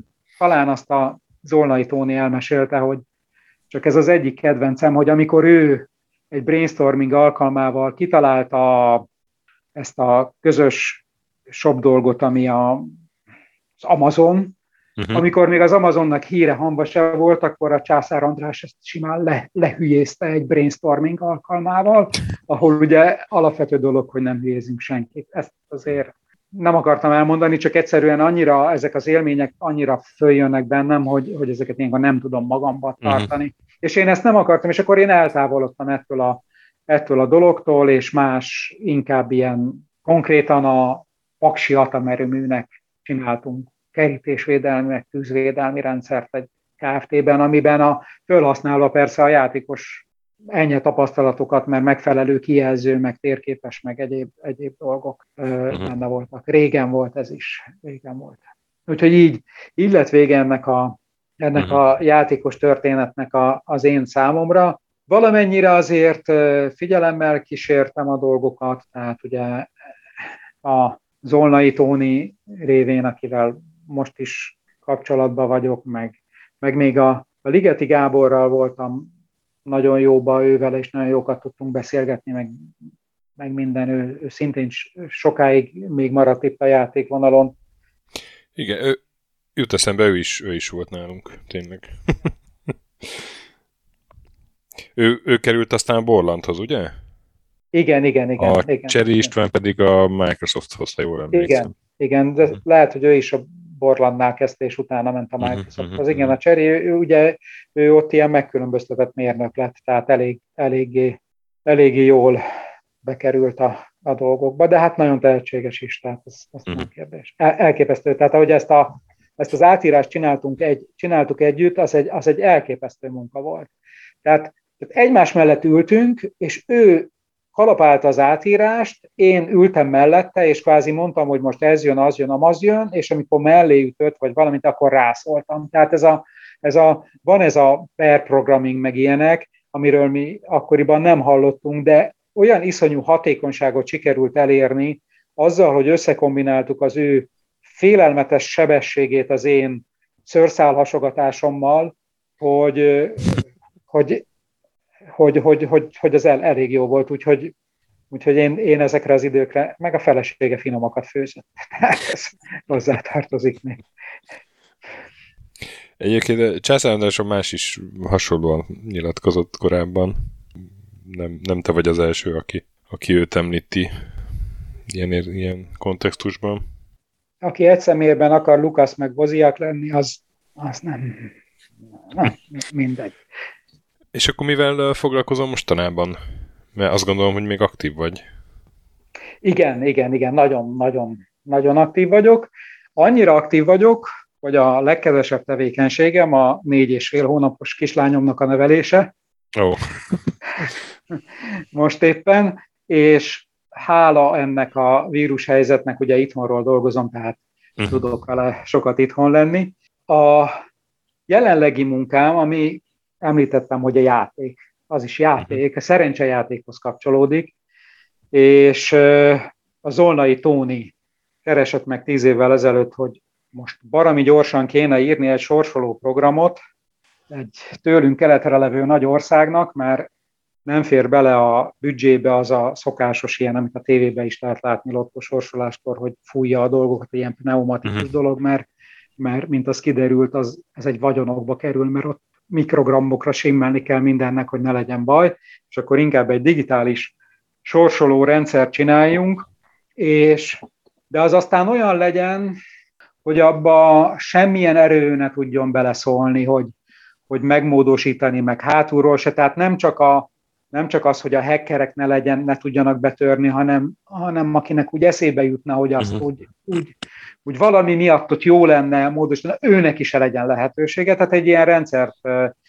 kidolgoztunk, és megcsináltuk, aztán más kérdés, hogy, hogy ezt végül nem, nem használták, de olyan jó kapcsolat alakult ki a Scientific Games céggel, hogy, hogy azóta is tart ez a kapcsolat, és én most leginkább ilyen úgynevezett lottó terminálokat programozok, ami, hogyha bemegy az ember egy, egy lottózóba, akkor láthatja, hogy, hogy uh-huh. milyen, ami, ami játék, mert szerencsejáték, és most éppen ebben, a, ebben az időszakban ismét egy sorsoló programon dolgozom, de ez a világ másik felébe készül, ahol úgy kell egyeztetni az időpontot, hogy amikor nekik este van, nekünk meg hajnal, akkor tudjunk egymással beszélni, és ott éppen nyár van, és ott nem, nem olyan elvárásoknak kell megfelelni, mint tíz évvel ezelőtt kellett megfelelni, hanem olyan elvárásoknak kell megfelelni,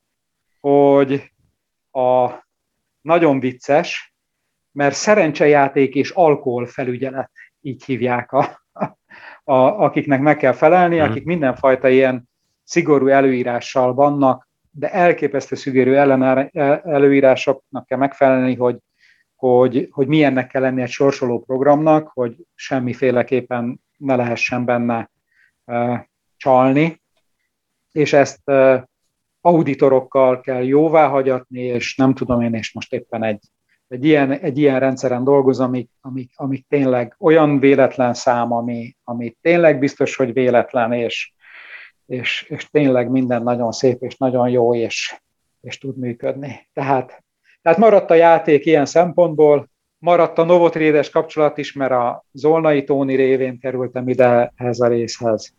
Úgyhogy ez, ez működik. Nekem még egy korábbi témához lenne egy kérdésem, hogy Említetted egy fél szóval, hogy jártatok konferenciákra, meg kiállításokra, meg külföldi partnerekhez, hogy ez te is voltál, és ha igen, akkor ezek milyen helyek, dolgok voltak? Igen, két, két helyen voltam én. Voltunk Hannoverben a Cebiten, azt megnéztük, az nagyon, az nagyon érdekes volt, mert, mert béreltünk egy, egy ladát, a, a, autó kölcsönzőből kölcsönöztünk, azzal mentünk, az 1300 kilométert vagy mit, azt egybe vezettem le, oda is, meg vissza is, mert a kollégák nem annyira akartak vezetni, és nagyon csodálatos volt, mert mikor a német autópályán megállt az autó, mert a Alada, mert a valamelyik csodálatos előző bérlő, vagy nem tudom én, egy kis vizet is tett a benzinbe, és a karburátor elakadt, és kihívtuk az adakot, ugye a német autóklubot, és kijött, és egy pamutrongyal kitakarította a karburátort, ami néhány száz kilométer múlva szépen eltömítette, és mehettünk egy másik helyre, ahol, ahol kitisztították, meg megcsinálták, és, és ez, ez, ez egy ilyen vicces történet volt. De odaértünk azért Hannoverbe, megnéztük a vásárt, mindenfajta érdekes dolgok voltak, aztán visszajöttünk, beszámoltunk az élményekről, ne kérdezzétek, hogy mit látunk, ott már, ott már, már, nem, már nem volt érdekes. Ez 80-as éveknek a végén volt, nem tudom megmondani mikor, és nagyon vicces volt, amikor a szembejövő hatalmas autóban éppen valaki telefonált a 80-as években, és emlékszem is a tornyi, a Szentornyai, akkor így még ilyen viccesen is ezzel a, az ujjammal a, mutatom a telefonálást, így kivigyorgott az ablakon a, a másik oldalon autóból telefonálónak, most ugye meg már az autóban telefonálás az, az a mindennap életünknek a része. Hmm. Tehát ez volt a Cebit volt az egyik, a másik pedig, egy, amikor az Amigát bemutatták, akkor az Amiga konferencián én kim voltam Angliában, ami egy csodálatos élmény volt, tehát ott, ott mutatták be, és akkor ott ez az ez európai nem a, bemutatója volt? Nem a, nem a hivatalos bemutató volt, hanem amikor már a fejlesztőknek Aha. mutatták, hogy, hogy itt van ezzel, adták a fejlesztői csomagokat hozzá, és dokumentációt itt van valahol a szekrényemben, amit akkor kaptunk, amíg a specifikációt. És az is elég jó volt. Játékokkal is demozták, vagy, vagy ilyen... A, az a jellegzetes amigás attogólabda volt. Aha, az, volt a fő, az Aha. volt a fő dolog, és előadások voltak, ahol, ahol elmondták, hogy, hogy, hogy miket, miket uh-huh, tud. Uh-huh, uh-huh. Nagyon, nagyon, nagyon profi szerkezet, tehát az... Ne, nekem még ez a Nintendo-s megjegyzésed akad be a fejembe, hogy, hogy te fejlesztő kitet csináltál gyakorlatilag a... Nem, nem én csináltam, mit vagy, vagy te is benne voltál, tehát... igen. Tehát, hogy a kérdésem az, hogy ez nem volt teljesen illegális? Vagy, vagy ezzel akkoriban nem nagyon törődtek Magyarországon? Mi nem akartunk semmi illegálisat uh-huh. csinálni, mi be akartuk bizonyítani, hogy mit tudunk. Oh. És igazából, igazából a mai eszünkkel, meg a mai jogi szabályozással ez teljes mértékben illegális, igen. A Nintendo-t, mikor bekapcsoltam, akkor nem jött föl a licenszöveg, meg a, elfogadni a különböző jogi nyilatkozatokat, meg nem tudom én, de hát akkoriban, illetve hát azt előzően, ugye, amit az elején mondtam, hogy a, hogy a, a TPA-k azok lopott PDP-k, vagy klónozott PDP-k voltak. Tehát itt a szocializmusban ez egy alapvető dolog volt, hogy hogy uh-huh. nyugatról kopintunk. Hát, hogyha megnézzük a Zilt, meg az Uralt, meg nem tudom én ezeket az uh-huh. orosz teherautókat, azoknak is, vagy, vagy akár a, a régi Volgát, tehát azoknak is megtalálod a, az amerikai megfelelőjét valahol, ahonnan, ezt az egész, ahonnan ez az egész dolog. Aztán most ugye egy világnak egy másik felére csúszott az elmúlt időkben ez a mindent lemásolunk dolog, bár most már nincsenek is annyira rászorulva ott, hogy másoljanak, mert más saját uh-huh. dolgaik is, meg a fejlesztés is megy, meg, a, meg az egyéb dolgok, ugye a vírus is onnan jön. Uh-huh. A, tehát tudtuk, hogy ez nem teljesen nem teljesen oké, okay, de, de, de nem, nem, tudunk, nem tudunk ezzel visszaélni. Tehát ez nem olyan dolog, mint, a, mint, mint az, hogy én ellopok egy játékszoftvert és lemásolom, amiben egyébként, uh-huh. volt, amiben egyébként volt részünk. Tehát fejlesztés alatt levő szoftverünket ellopták. Tehát a klubokban megjelent a fejlesztés alatt levő szoftverünk, és uh-huh. nem tudjuk, hogy hogyan. Nem uh-huh. tudjuk, hogy hogyan, de megjelent. És nagyon, nagyon érdekes, mert én nem csak én, hanem akkor mi egy páran elmentünk a szerzői jogvédőhivatalba, és elmondtuk, hogy ilyen dolgokat tapasztaltunk, mit lehet csinálni, és akkor ott elmondták, hogy amennyiben a szoftverben nem pont az az utasítás sorozat van, akkor az már egy másik szoftver, úgyhogy nem lehet ezzel mit csinálni. Tehát magyarul, hogyha beteszel egy nopot, egy no operation ugye gépi szinti nyelven, vagy mondjuk más nyelven egy új sort beteszel, akkor az már az akkori álláspont szerint az egy másik szoftver, és a mhm. szerzői jogtipró hivatal azzal már nem tud mit csinálni. Én akkor találtam ki ezt a dolgot, aztán utána ez a dologhoz, mm. még mikor kapcsolatba kerültem a hanglemezgyárral, ugye mondtam, hogy kazettásítás és kazetta sokszorosítás, akkor a, hallottam még más érdekes dolgokat is a szerzői jogvédelem környékén, mm. amik akkoriban történtek. Persze, hogy most mi van, arról nem tudok semmit. Tehát mi be akartuk bizonyítani a japánoknak, tehát a kis donát, meg, meg, meg mi lelkes fejlesztők, hogy mi akkor is tudunk Nintendo-ra programozni, hogyha nem mondják meg, hogy hogy kell. Ez volt a cél. És ezt a célt sikerült is elérni. Mm-hmm. Tehát, tehát eljutottunk odáig, onnantól kezdve, hogy ki, tehát föl, fölbontjuk a dobozt, és megnézzük, hogy mi van benne. És akkor a, kiolvasni a, a, a promot, ami, amiben a, ami a játék van, és akkor, akkor volt a kis Donátnak egy nem tudom, haverja, vagy barátja, vagy kollégája, Kalmár László, aki értett ez az elektronikai dolgokhoz, és akkor ő rájött, hogy ott a lábkiosztás is más, uh-huh. kimérte, és akkor úgy, és akkor kiolvasjuk, és akkor végre megvolt a, megvolt a Byte sorozat a prom, és akkor nézzük meg, hogy ez micsoda. Hú, és akkor ez milyen? Ú, ez akkor biztos az Z80 processzor. Nem. Kiderült, hogy 6502-es, tehát ugyanaz a processzor, mint ami a, a Commodore 64-ben van, és hogy hogy működik, és egyébként nagyon érdekes architektúrája van a Nintendo-nak, teljesen eltér a Commodore 64-estől.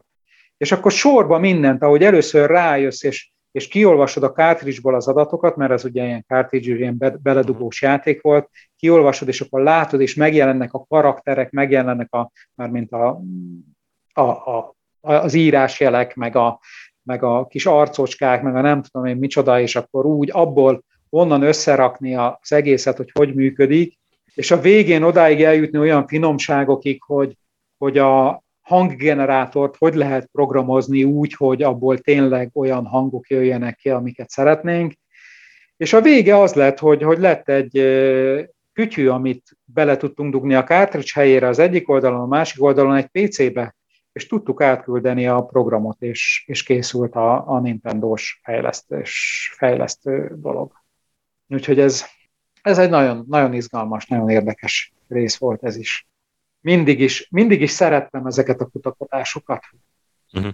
Van, van, van még egy dolog, uh, ami, amiben én benne voltam még, ami eszembe jutott, a Formaster nevű cég csinált egy másolás védet, véde, védelmet Commodore 64-esre, és meghirdették, hogy aki feltöri, azt meghívják egy, egy vacsorára, és igazából én, én akkor futottam föl a Novotrade-nél, hogy úgy mondjam, mert én azt feltörni nem is tudtam, mert, mert nagyon profi volt, de le tudtam, le tudtam úgy másolni a játékot, amit levédtek, hogy utána tovább másolható volt.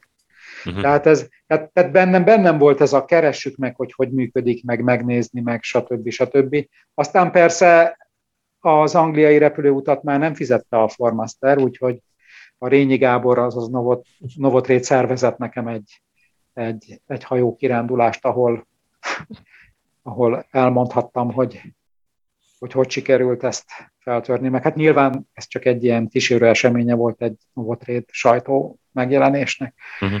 Úgyhogy az is, az is egy érdekes dolog volt. És videójátékokkal szoktál még játszani, vagy követed a játékipar alakulását? Nem, nem nagyon. Uh-huh. Nem, nem annyira érdekel. Van valahol eltéve egy, egy Xbox, de én még be se kaptam ajándékba, még be se kapcsoltam. Nem, oh. nem érdekel. A, egyszerűen annyi minden más van az életben, ami, ami, ami jobban érdekel. Ami jobban érdekel. Tehát, tehát csak, csak, csak egyet mondok, kimenni a természetben, és élvezni azt a jó levegőt és a szép tájat, és nem tudom én. Nyilván ez, ez hozzájárul az is, hogy, hogy, hogy egyébként is napi 8 órában dolgozom, számítógép előtt ülök, nem szeretnék többet előtte ülni. Meg hát látom azt családon belül is, meg egyébként is, hogy hova ment el ez a világ, hogy, hogy milyen, milyen extrém dolgok vannak, és, és mennyire félelmetesen profivá vált ez az ipar. Tehát, tehát ugye mi néhány fős csapatok kezdtünk, és csináltunk játékot, és szerte a világba eladták, most meg egy játékprogram, most sok száz ember dolgozik. Mhm. Hatalmas táb, mindenféle. Ez egy teljesen más világ. Nekem abban az a szabadság, az a, az, az önállóság, az, az újdonság érzéke, értéke, az volt benne. Nem az, ami most uh-huh. van, hogy akkor ugyanúgy megvannak a rendszerek, meg nem tudom én, és akkor abba csináljuk, és és nem lehet, nem lehet benne olyan, olyan kiemelkedőt alkotni. Régen könnyű volt, abban könnyű volt, könnyű volt megcsinálni egy trafiket, meg egy most nem kellett hozzá semmi, csak egy kis józanész, meg szerencse, hogy, hogy ott tudtunk lenni akkor, de ha most, most akarnék csinálni egyet, most, most hogyan? Tehát, hát, tehát ilyen... az akkor lett kitalálva, és ez... Aha. Hát ilyen független fejlesztők ma is vannak, akik már így az elmúlt, nem tudom, tíz évben ilyen megfelelő csatornákon azért ki tudják tenni a játékaikat, csak most már nagyon sok van, és ilyen nagyon nagy a nehéz kitűnni az ajból, inkább az a probléma. Igen, igen, igen, ez, ez, ez, ez jó kifejezés, hogy nehéz kitűnni az ajból, és engem érdekelnek azok a dolgok, a, hm. amik, amik újak, és, és ugye, ugye, tehát a Commodore 64 játékprogramozás tök új volt, és, és, és ott lehetett benne lenni. A, amikor bejött Magyarországra az internet, akkor én internettel kezdtem el foglalkozni. Hálózati rendszergazdaként mhm. dolgoztam a, az eltén egy ideig. Az is új volt. Tehát amikor, amikor azt mondom, hogy 64 kilobit per szekundum nemzetközi kapcsolata volt az egész egyetemnek, akkor, akkor kezdeni, az is jó volt. És ab, annak is lett egy jó kis hozadéka. Amikor, amikor az internet brokerage indult, akkor abba benne lenni, és, és ott valamit csinálni, az is az is hmm. érdekes volt. És most várom már egy jó tíz éve gondolkozom azon, hogy mi lesz az új dolog, amiben belevághatnék, és, és csinálhatnám, és, és, és benne lehetne lenni, de szerencsére jó munkám van, el vagyok ezzel, csak, csak ez, nincs benne már ez, a, ez, a, ez az újdonság uh-huh. élmény. Uh-huh. Én egyébként, a, egyébként én azt gondoltam, és már jó ideje azt gondolom, hogy a, kvantuminformatika, tehát kvantumszámítástechnika, az Aha. kvantumszámítógép, kvantumalgoritmusok, ez lehetne, egy, ez lehetne egy érdekes terület, és mindig, amikor szabadság van, vagy nyaralás, akkor mindig viszek magammal valami ilyesmi olvasnivalót, de, de nincs arra, nincs arra energiám, hogy, hogy akkor most ebbe olyan mélyen elmerüljek, és próbáljak valamit csinálni. Szóval igazából ebben a novotétes dologban az egyik jó az volt, hogy új volt. A másik jó az volt, hogy kitörés volt innen a, a, mhm. a fal mögül, és, és jó megélhetést adott. De nem azért csináltuk, nem a pénzért csináltuk. Uh-huh. A pénz az egy ilyen, az egy ilyen extra, extra dolog volt. Aztán később, ugye, amikor mondtam, hogy már nem volt kedvem, akkor már csak a pénzről szólt. Akkor már egy, egy profi üzletág volt, amit csináltunk. És akkor már nem is volt ott, ugye már, már elértük a, a 90-es éveket, vagy közelítettük, és akkor már, akkor már nem a nyugat, akkor már nem úgy, nem úgy viszonyultunk a nyugathoz, mint a 80-as évek közepén a nyugati világhoz. Hát kedves Csaba, nagyon szépen köszönjük. Tehát ott szája hallgattuk szerintem. Általában ez szokott lenni, amikor egy Novotrédest meghívunk a, az adásba. És hát nagyon köszönjük a Trafiket és a Scarabeust is. Igazából mind a kettő olyan játék, hogy még ma is jó játszani velük. Nagyon szívesen és nagyon nagy öröm 30-40 év távlatából ilyen dolgokról beszélni és fölidézni a, az emlékeket. Úgyhogy én is köszönöm a lehetőséget. Ti pedig, kedves hallgatók, legközelebb is maradjatok velünk, amikor jövünk Checkpoint Vinivel, aztán egy másik vendéggel.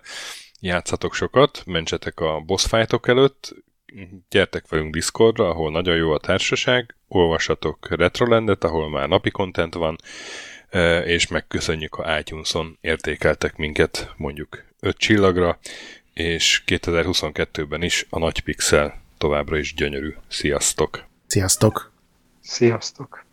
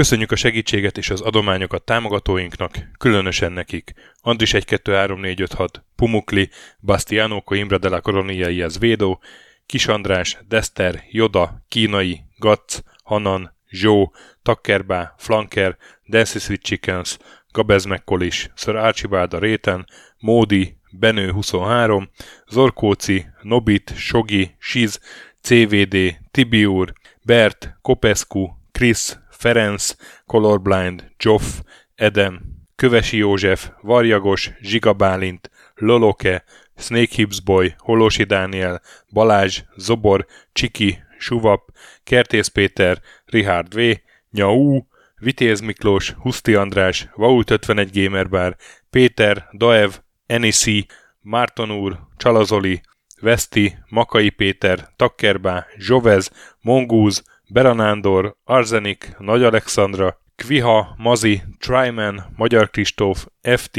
Creed 23, Invi, Kuruc Ádám, Jedi, Harvester Marc, Igor, Pixelever, Oprüke, Esring, Szaszamester, Kopasz Nagyhajú, Kecskés János, MacMiger, Dvorski Dániel, Dénes, Kozmér Joe, Fábián Ákos, Tomek G, Maz, Mr. Corley, Nagy Gyula, Gergely B, Sakali, Sorel, Naturlecsó, Devencs, Kaktusz, Tom, Jed, Apai Márton, Balcó, Alagi úr, Judgebred, László, Kurunci Gábor, Opat, Jani bácsi, Dabrowski Ádám, Gévas, Zabolik, Kákris, Alternisztom, Logan, Hédi, Tomiszt, Att, Gyuri, Kevin Hun, Zobug, Balog Tamás, Ellászló, Gombos Márk, Valisz, Hekkés Lángos, Szati, Rudimester, Sancho Musax, Elektronikus Bárány, Nand, Valand, Jancsa Burgerpápa Jani, Deadlock, Csédani, Hídnyugatra Podcast, Lavkó Marúni,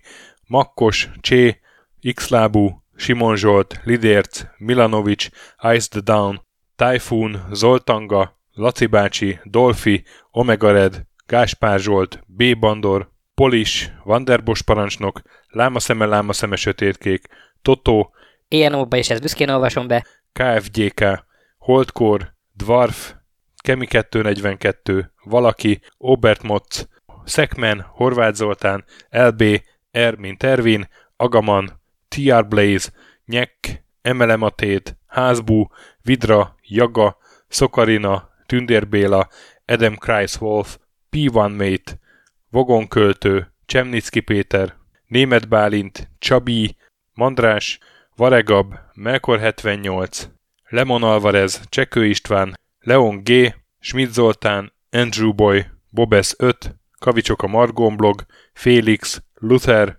Hardy, Rozmi, Klisz Gábor, Cséplő Péter, Kinorányi Dávid és Darmos Gergely. Nagyon köszönjük nekik!